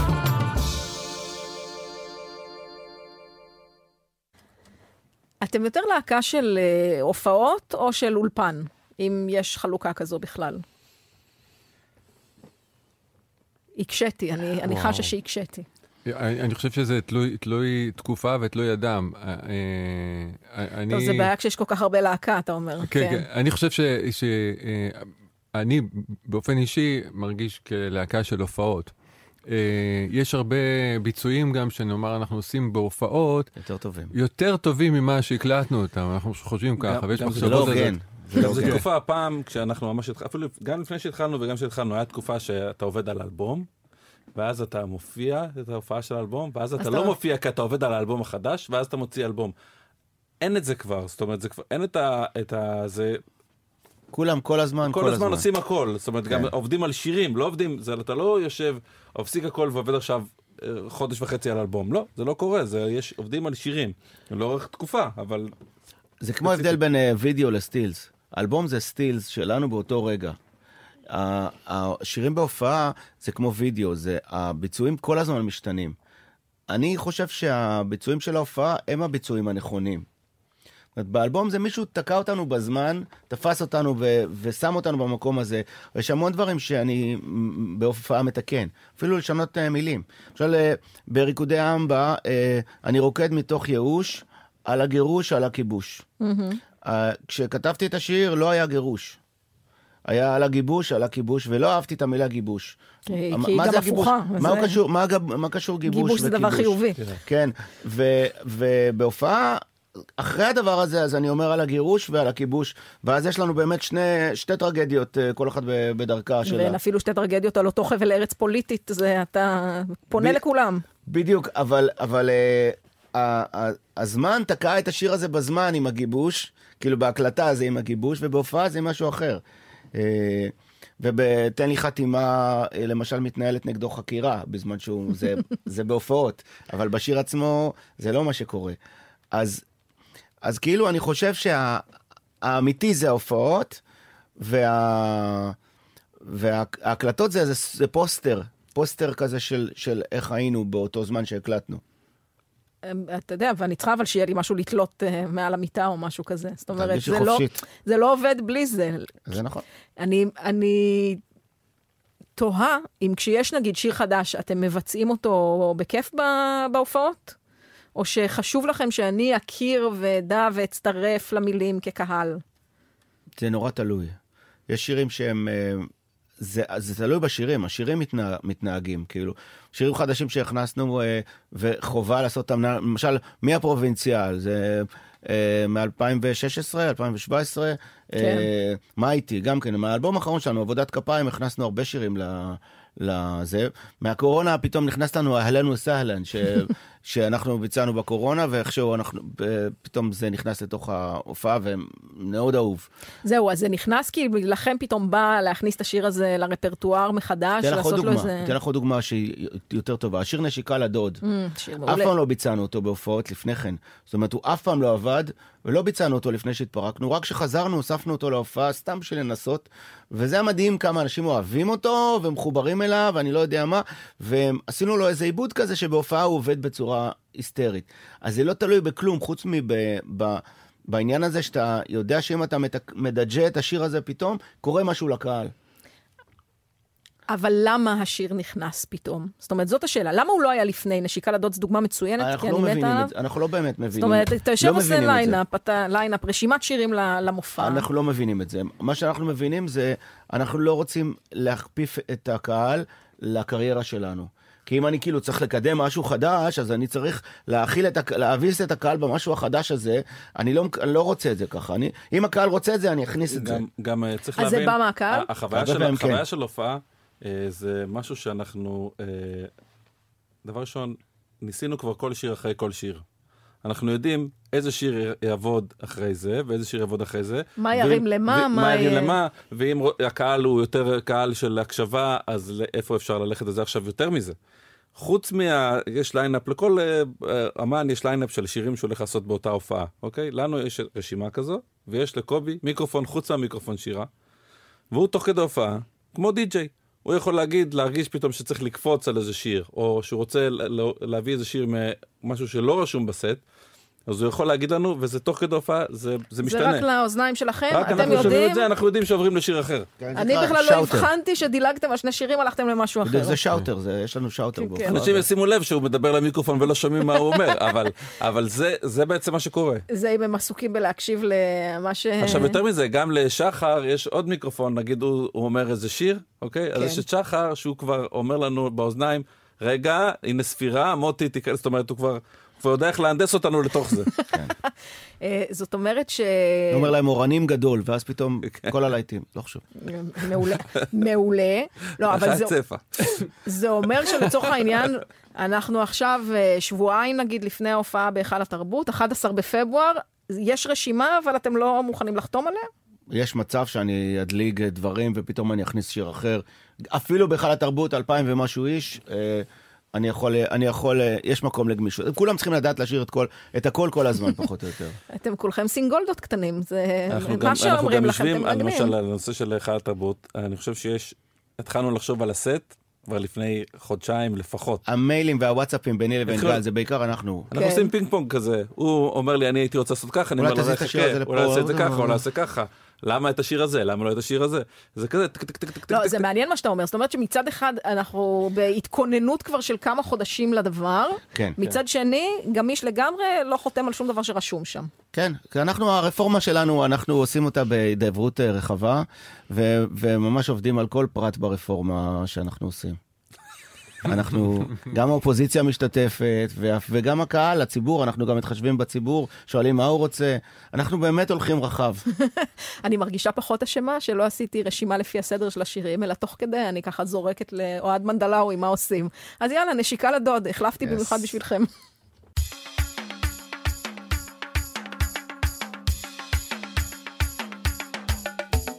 בו, בו חמוד, בוא תיתן נשיקה לדוד.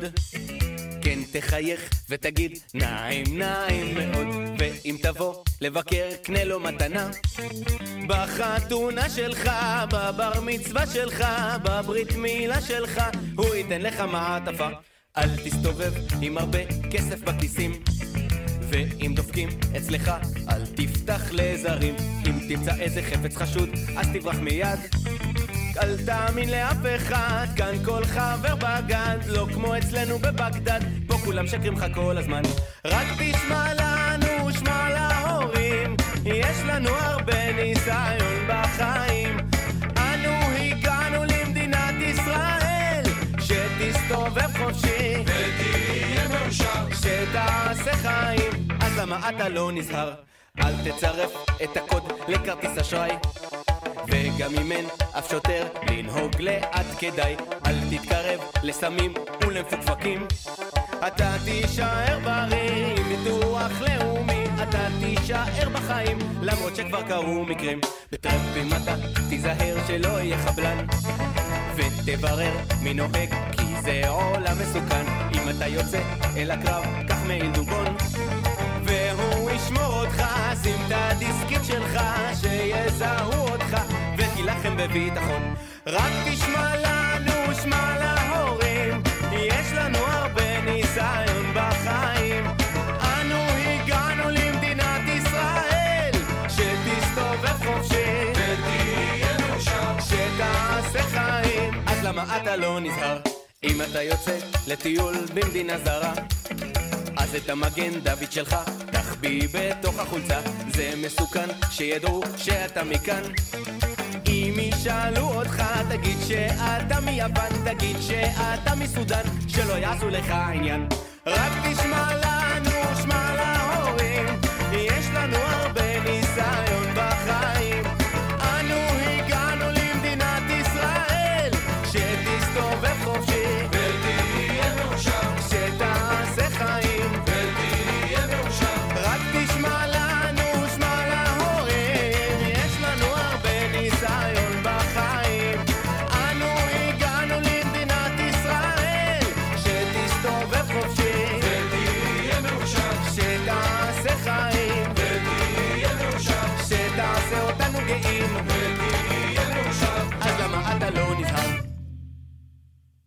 טוב, במיקרופון סגור, קודם כל אמרת שיש בית שאתה כבר לא שר. יש בית שאני כבר לא שר. השיר הזה כאילו קיבל... אה, קיבל אה, שריריות אה, אחרת, הוא הפך להיות יותר קפקזי גרוזיני בהופעה, ועפנו לו בית אחד, יש לו יותר שן זהב, ו...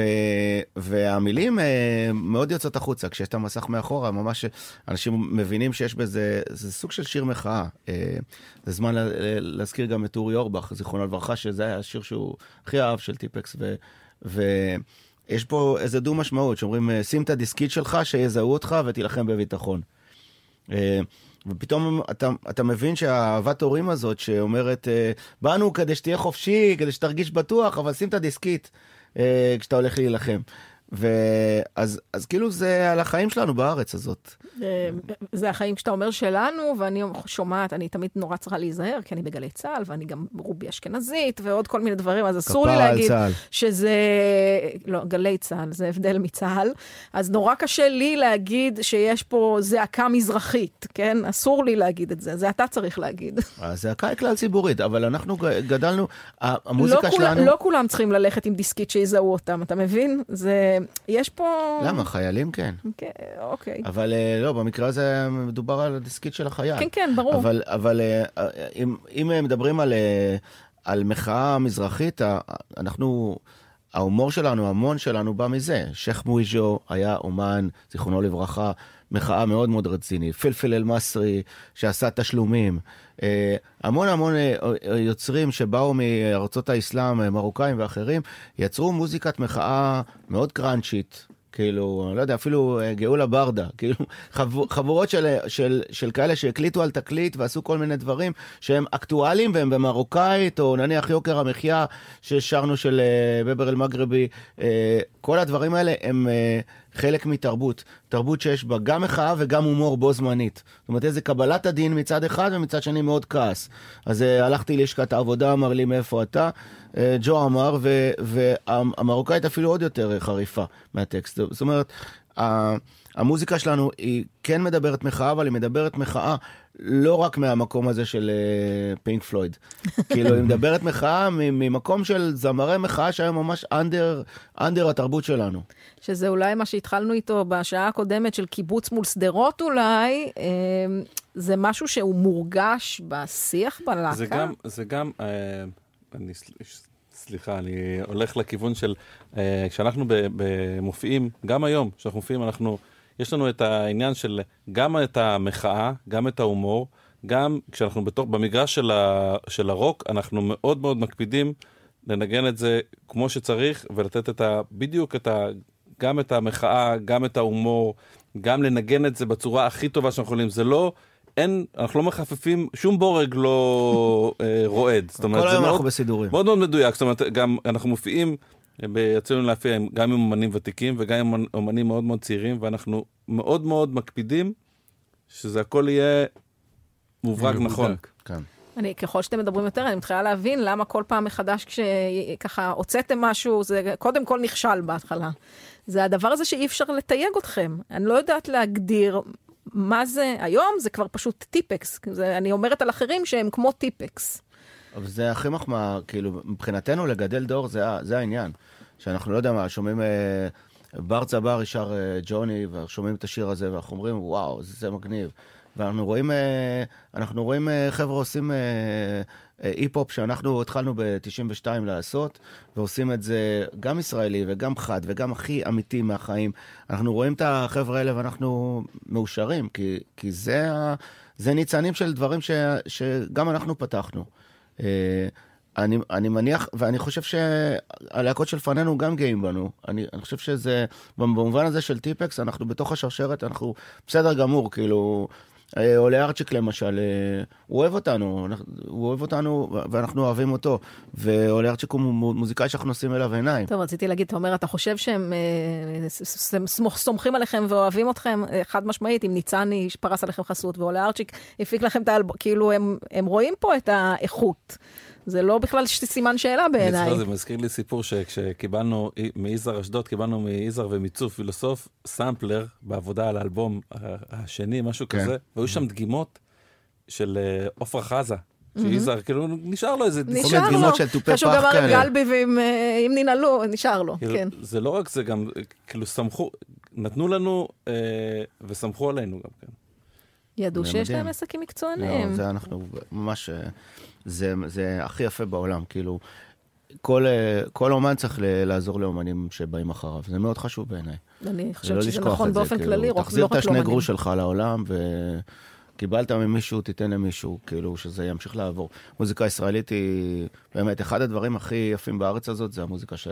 שעושים בארץ, זה מוזיקה הכי, הכי מרגשת שיש. ואני חושבת שאולי אחד הדברים שמאפיינים, מעניינים בכם, זה שאתם אוהבים את הכל בלי, בלי הביקורת, נקרא לזה. אה, מבחינת הסגנונות המוזיקליים. רציתי להתחיל עם הור הנדל"נים, אנחנו נעשה את זה עכשיו. אנחנו סרקסטים אה, הרבה פעמים. אנחנו סרקסטים, כן יכולים סרקסטים. לבצע איזה, אה, נניח, כשאני איתך אני כמו דג ששמענו. הוא מזרחית שמשחקת אותה הדבילית בכוונה, כאילו המעבר הזה של התופים, וה- אבל זה וכל משחק הזה. אותה דבילית בכוונה, וגם כזה, הכי... טמבולטה, אבל גם אבל- הכי רצינית. בטח כן. בהפ- במה שנקרא production value, כן, ערכי הפקה הגבוהים ביותר. כן, כן. אבל גם בסוף זה שיר שהוא אומר, אין מה לצחוק על הדבר הזה, למרות שאני סרקסטי כלפיו, כי זה שיר רציני וטוב ויפה. מה זה רציני? כן, יש בו הומור, אבל... אתה, אתה יכול גם לאהוב אמבה וגם להיות סרקסטי לגבי אמבה.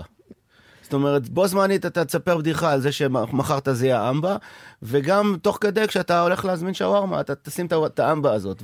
ואנחנו רוצים להיות מחוברים לאמבה, אנחנו, היא לא חיצונית לנו, אנחנו עשויים מאמבה.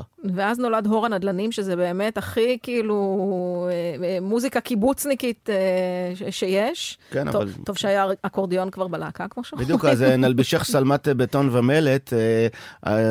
יש פה אנשים שלקחו את זה קצת יותר מדי רחוק. לאקסטרים. וכן, אני היום כזה התלהבתי מ... מפרחי אה, חרציות שראיתי פה ביפו והרגשתי שאני בטבע.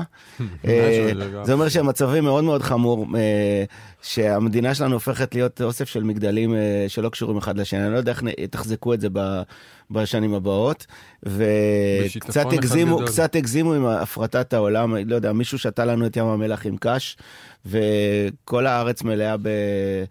בכלום מבטון, ואני יודע שאנשים צריכים לגור בכל מיני מקומות, אבל אני לא יודע, אני הייתי רוצה שגם הטבע המטורלל והמשוכלל להפליא של הארץ שלנו, אה, שיישמר. אני חושב שאנחנו, הטבע שלנו הוא הכי מצחיק בעולם. הדברים האלה שנראים כמו שיבולים עם אה, מין חץ כזה, שזה נתפס, מין שעוניות כאלה, כן. וכל הפרחים המאוד מצחיקים, ואלה שנתפסים לך לנעל, וכל, מ- זה באמת, אה, הטבע שלנו מצחיק ב- לאללה בארץ, ואני, הפושטי דווקא, לא הטבע המגונדר, יש בזה משהו. הכלניות והפרגים וכל הדבר הזה זה פשוט דבר מדהים ואור הנדל"נים זה בדיוק האורה של אה, חיסול הטבע ובנייה המוגזמת בכל מקום אפשרי. תראה, התלהבת פה מאיזה חרצית ב- ביפו, אבל אה, נשמע שאתה בקיא בטבע, אתה יוצא אליו. אני חולה טבע, אני מאוד אוהב טבע. כן. אז בסדר, וזה שוב, לא, הכל מסתדר כל כך יפה, כי אנחנו בדיוק בתקופה שעוד רגע דרום אדום, אם בכלל משהו יפרח במזג האוויר לבן שלי והאקלים קראתי המוזר. נגב. הסתדרנו יפה, אז הנה, הכל אה, בא טוב. אז יאללה, הור הנדל"נים. יס. עוד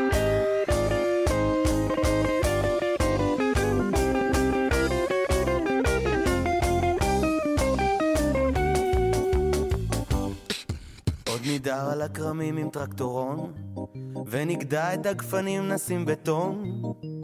אור האור הנדל"נים, אור הנצלנים, אור החמדנים. עוד נרוצה אל שדות של תעופה, עוד נשוב אל המושב לעוד טיסה. אור האור הנתב"גים, אור הג'טלגים, אור העסקים. ואי אפשר, ואי אפשר לחזור אחורה.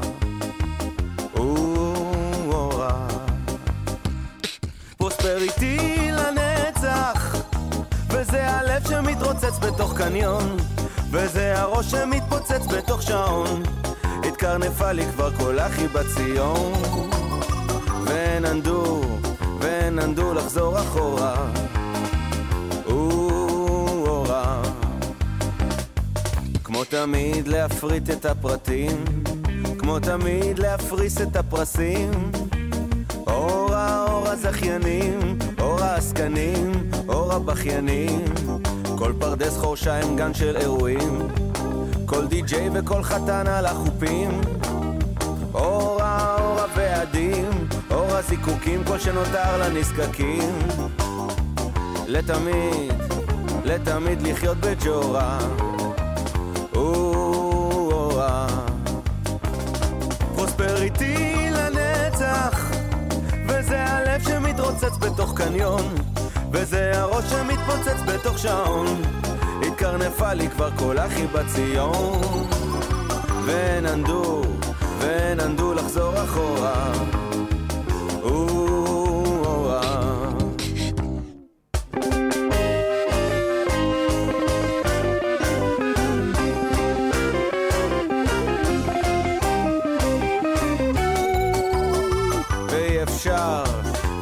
אפשר לחזור אחורה.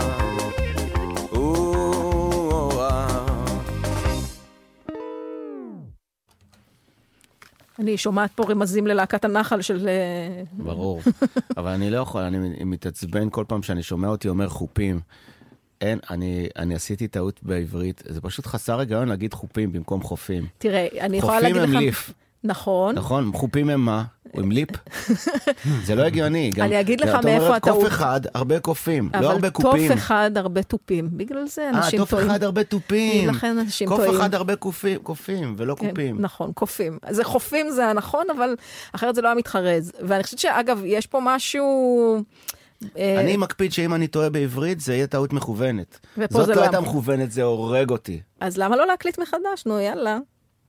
נחשוב על זה. תראי לי בהזדמנות. בסדר גמור, הכל אה, טוב, הכל הגיוני, הכל בסדר. תראו, אה, תמו השעתיים, תאמינו או לא. אה, אתם צודקים בזה. אני חושבת ש... בטח בשיחה איתכם, אבל uh, בהאזנה למוזיקה בשלושים השנים האחרונות, uh, אני מבינה טוב יותר איזה משפט שלך ששמעתי פעם על הסלט ירקות הזה, שזו התרבות הישראלית, שזו הישראליות בכלל, שלא צריך uh, שהכל יהיה אה, אותו דבר, לא כור היתוך, שכולם נמסים זה לתוך זה, אלא טעמים משלימים. כן, זה ואני לא יודעת אם כאילו התחלת מלחשוב על זה ואז uh, עשיתם, או שזה מה שעשיתם ואז ניסחת את זה במילים, אין לי מושג קובי, אבל היה ויכוח גדול עם כור ההיתוך. אני, אני הייתי תמיד כועס על הרעיון הזה של כור ההיתוך, של לייצר מאיתנו איזה טוסט מעוך של כולנו ביחד. ואני מאמין ברעיון הזה של קערת סלט, שכל אחד יכול להיות איזה אלמנט בסלט, וביחד זה יהיה מאוד מאוד טעים. אחד יהיה בצל, אחד יהיה... וסלט ישראלי זה, זה הכי ישראלי שיש. גם אה, מסתכלים על ה... כל הסלט, יש את, הב... את הבסיס, את המרכיבים הבסיסיים שלו. אז גם פה יש שדרות, יש קיבוץ, יש חולון. זה המרכיבים הבסיסיים, הם כבר אה, שונים, והם מרכיבים את הסלטים, ואנחנו אחרי זה... תראה, טיפקס התחילה סלט, מה, מה היא תעשה? כן. איזה מוזיקה כבר היא תעשה, אם לא כן, סלט ירקות בדיוק. ישראלי, איכותי, טעים וטוב. חד. משמעית, חד משמעית. גם על זה יש ויכוח, אם הוא ישראלי כל כך, אבל בוא נדבר על זה אחר כך. אה, אם- הסלט הישראלי. טוב, זאת שאלה מעניינת, אבל זה באמת אה, ליום אחר. כן. אה, חלומות על חו"ל? כי בכל זאת, היה לכם איזה אפיזודה חולפת של האירוויזיון, אז כאילו לנו- הייתה אופציה. יש לנו סיבוב הופעות בחו"ל בשנה הזאת. אנחנו ניסע לקנדה ולארצות הברית בעזרת השם. עכשיו, את יודעת איך זה... כבר אה, כרטיסי טיסה יש, אז עכשיו דוחפים כמה שיותר הופעות, כי אם כבר באנו אז נעשה את כל זה. אז אנחנו מאוד אה, נשמח. לא, ו- אבל ב- השאלה היא אם זה חלומות על חו"ל אה, להופיע בפני הקהילות היהודיות, שזה כולם עושים, או היה אתם סוג של-. סוג של מוזיקת היה לנו עולם. רגע- היה לנו רגע- היה, היה לנו רגע הייתה- כזה. היה קטע קטן כזה שכבר היה לנו סיבוב הופעות באמת של, של אה, מועדונים וזה בארצות הברית באנגלית, חומרים באנגלית והכל, כן. ואז קלטנו שאנחנו פשוט היינו צריכים להתחיל את זה איזה עשר שנים קודם. כן, זה, יש לנו משפחות וזה, אנחנו לא חושבים לנדוד בעולם, אבל החיים שלך בלאפה היה אה, מקום ראשון בטאוור רקורדס טוקיו. יש לי עד היום, אה, החיים שלך בלאפה, הם הוציאו חוברת עם תרגום למילים ב- ביפנית, והיינו להיט מאוד גדול במוזיקת העולם בטוקיו. זהו, אני חושבת שאתם אה. הדבר אה, שהכי קרוב או מתקרב לסגנון ישראלי. אנחנו, עוד אין את הדבר הזה שכששומעים אותו אז אומרים, אז אה, זה מישראל. שיעבדו קשה ושיחפשו אותנו. בדיוק, אין בעיה, שיבואו לראות את ההופעה בישראל. מה, אנחנו לא טסים לחו"ל לראות אנשים מופיעים. אני אגיד תודה לדניאל שבתאי ואוהד מנדלאוי על הביצוע הטכני, ואני אזכיר שיש הופעה בהיכל התרבות, היא ב-11 בפברואר, היא כבר אין כרטיסים, אין מה לחפש אותה. עזבו את זה. אולי בודדים למיזנטרופים, פה ושם יש. כאלה מקומות מאחורי עמוד כאלה. כן, זה, אבל בפורים אפשר למצוא אתכם בעמק חפר, ואז. במימון, אה, נו, מה רצית שאני אגיד? אבשלום קור מאזין, גם כשהוא לא מאזין. אה, ומימונה בברבי. מימונה בברבי, ואני ניחוש פרוע, זאת אומרת, אתם אל תקשיבו, אבל אני אגיד למאזינים והמאזינות שכנראה יהיו עוד הופעות של טיפקס, ניחוש. כזה, אפשר כן, להיכנס. לאתר שלנו ולצאת מצופה. בהחלט. אה, אני אגיד לכם תודה רבה, גל ורמי וקובי. תודה לה. ו- שבת שלום איזה לכולם. כיף, שבת תודה, שלום. השם יברך אותך, שבת שלום מבורך. איי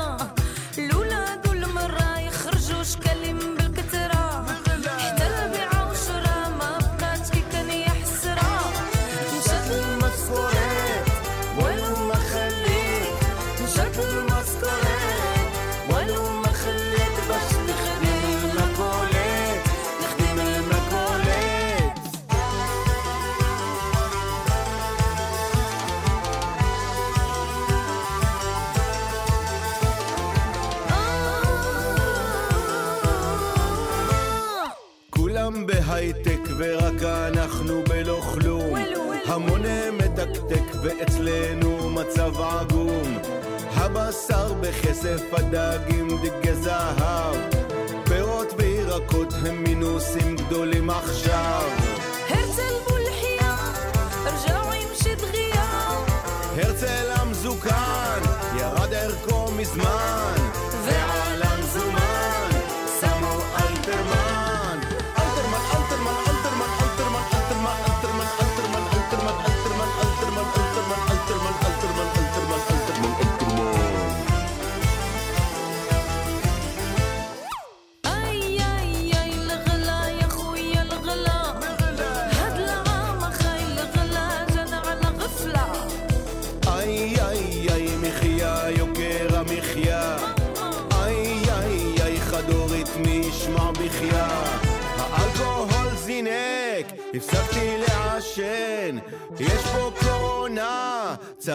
כולה שן אמרו לי שתיחנק, שתיחנק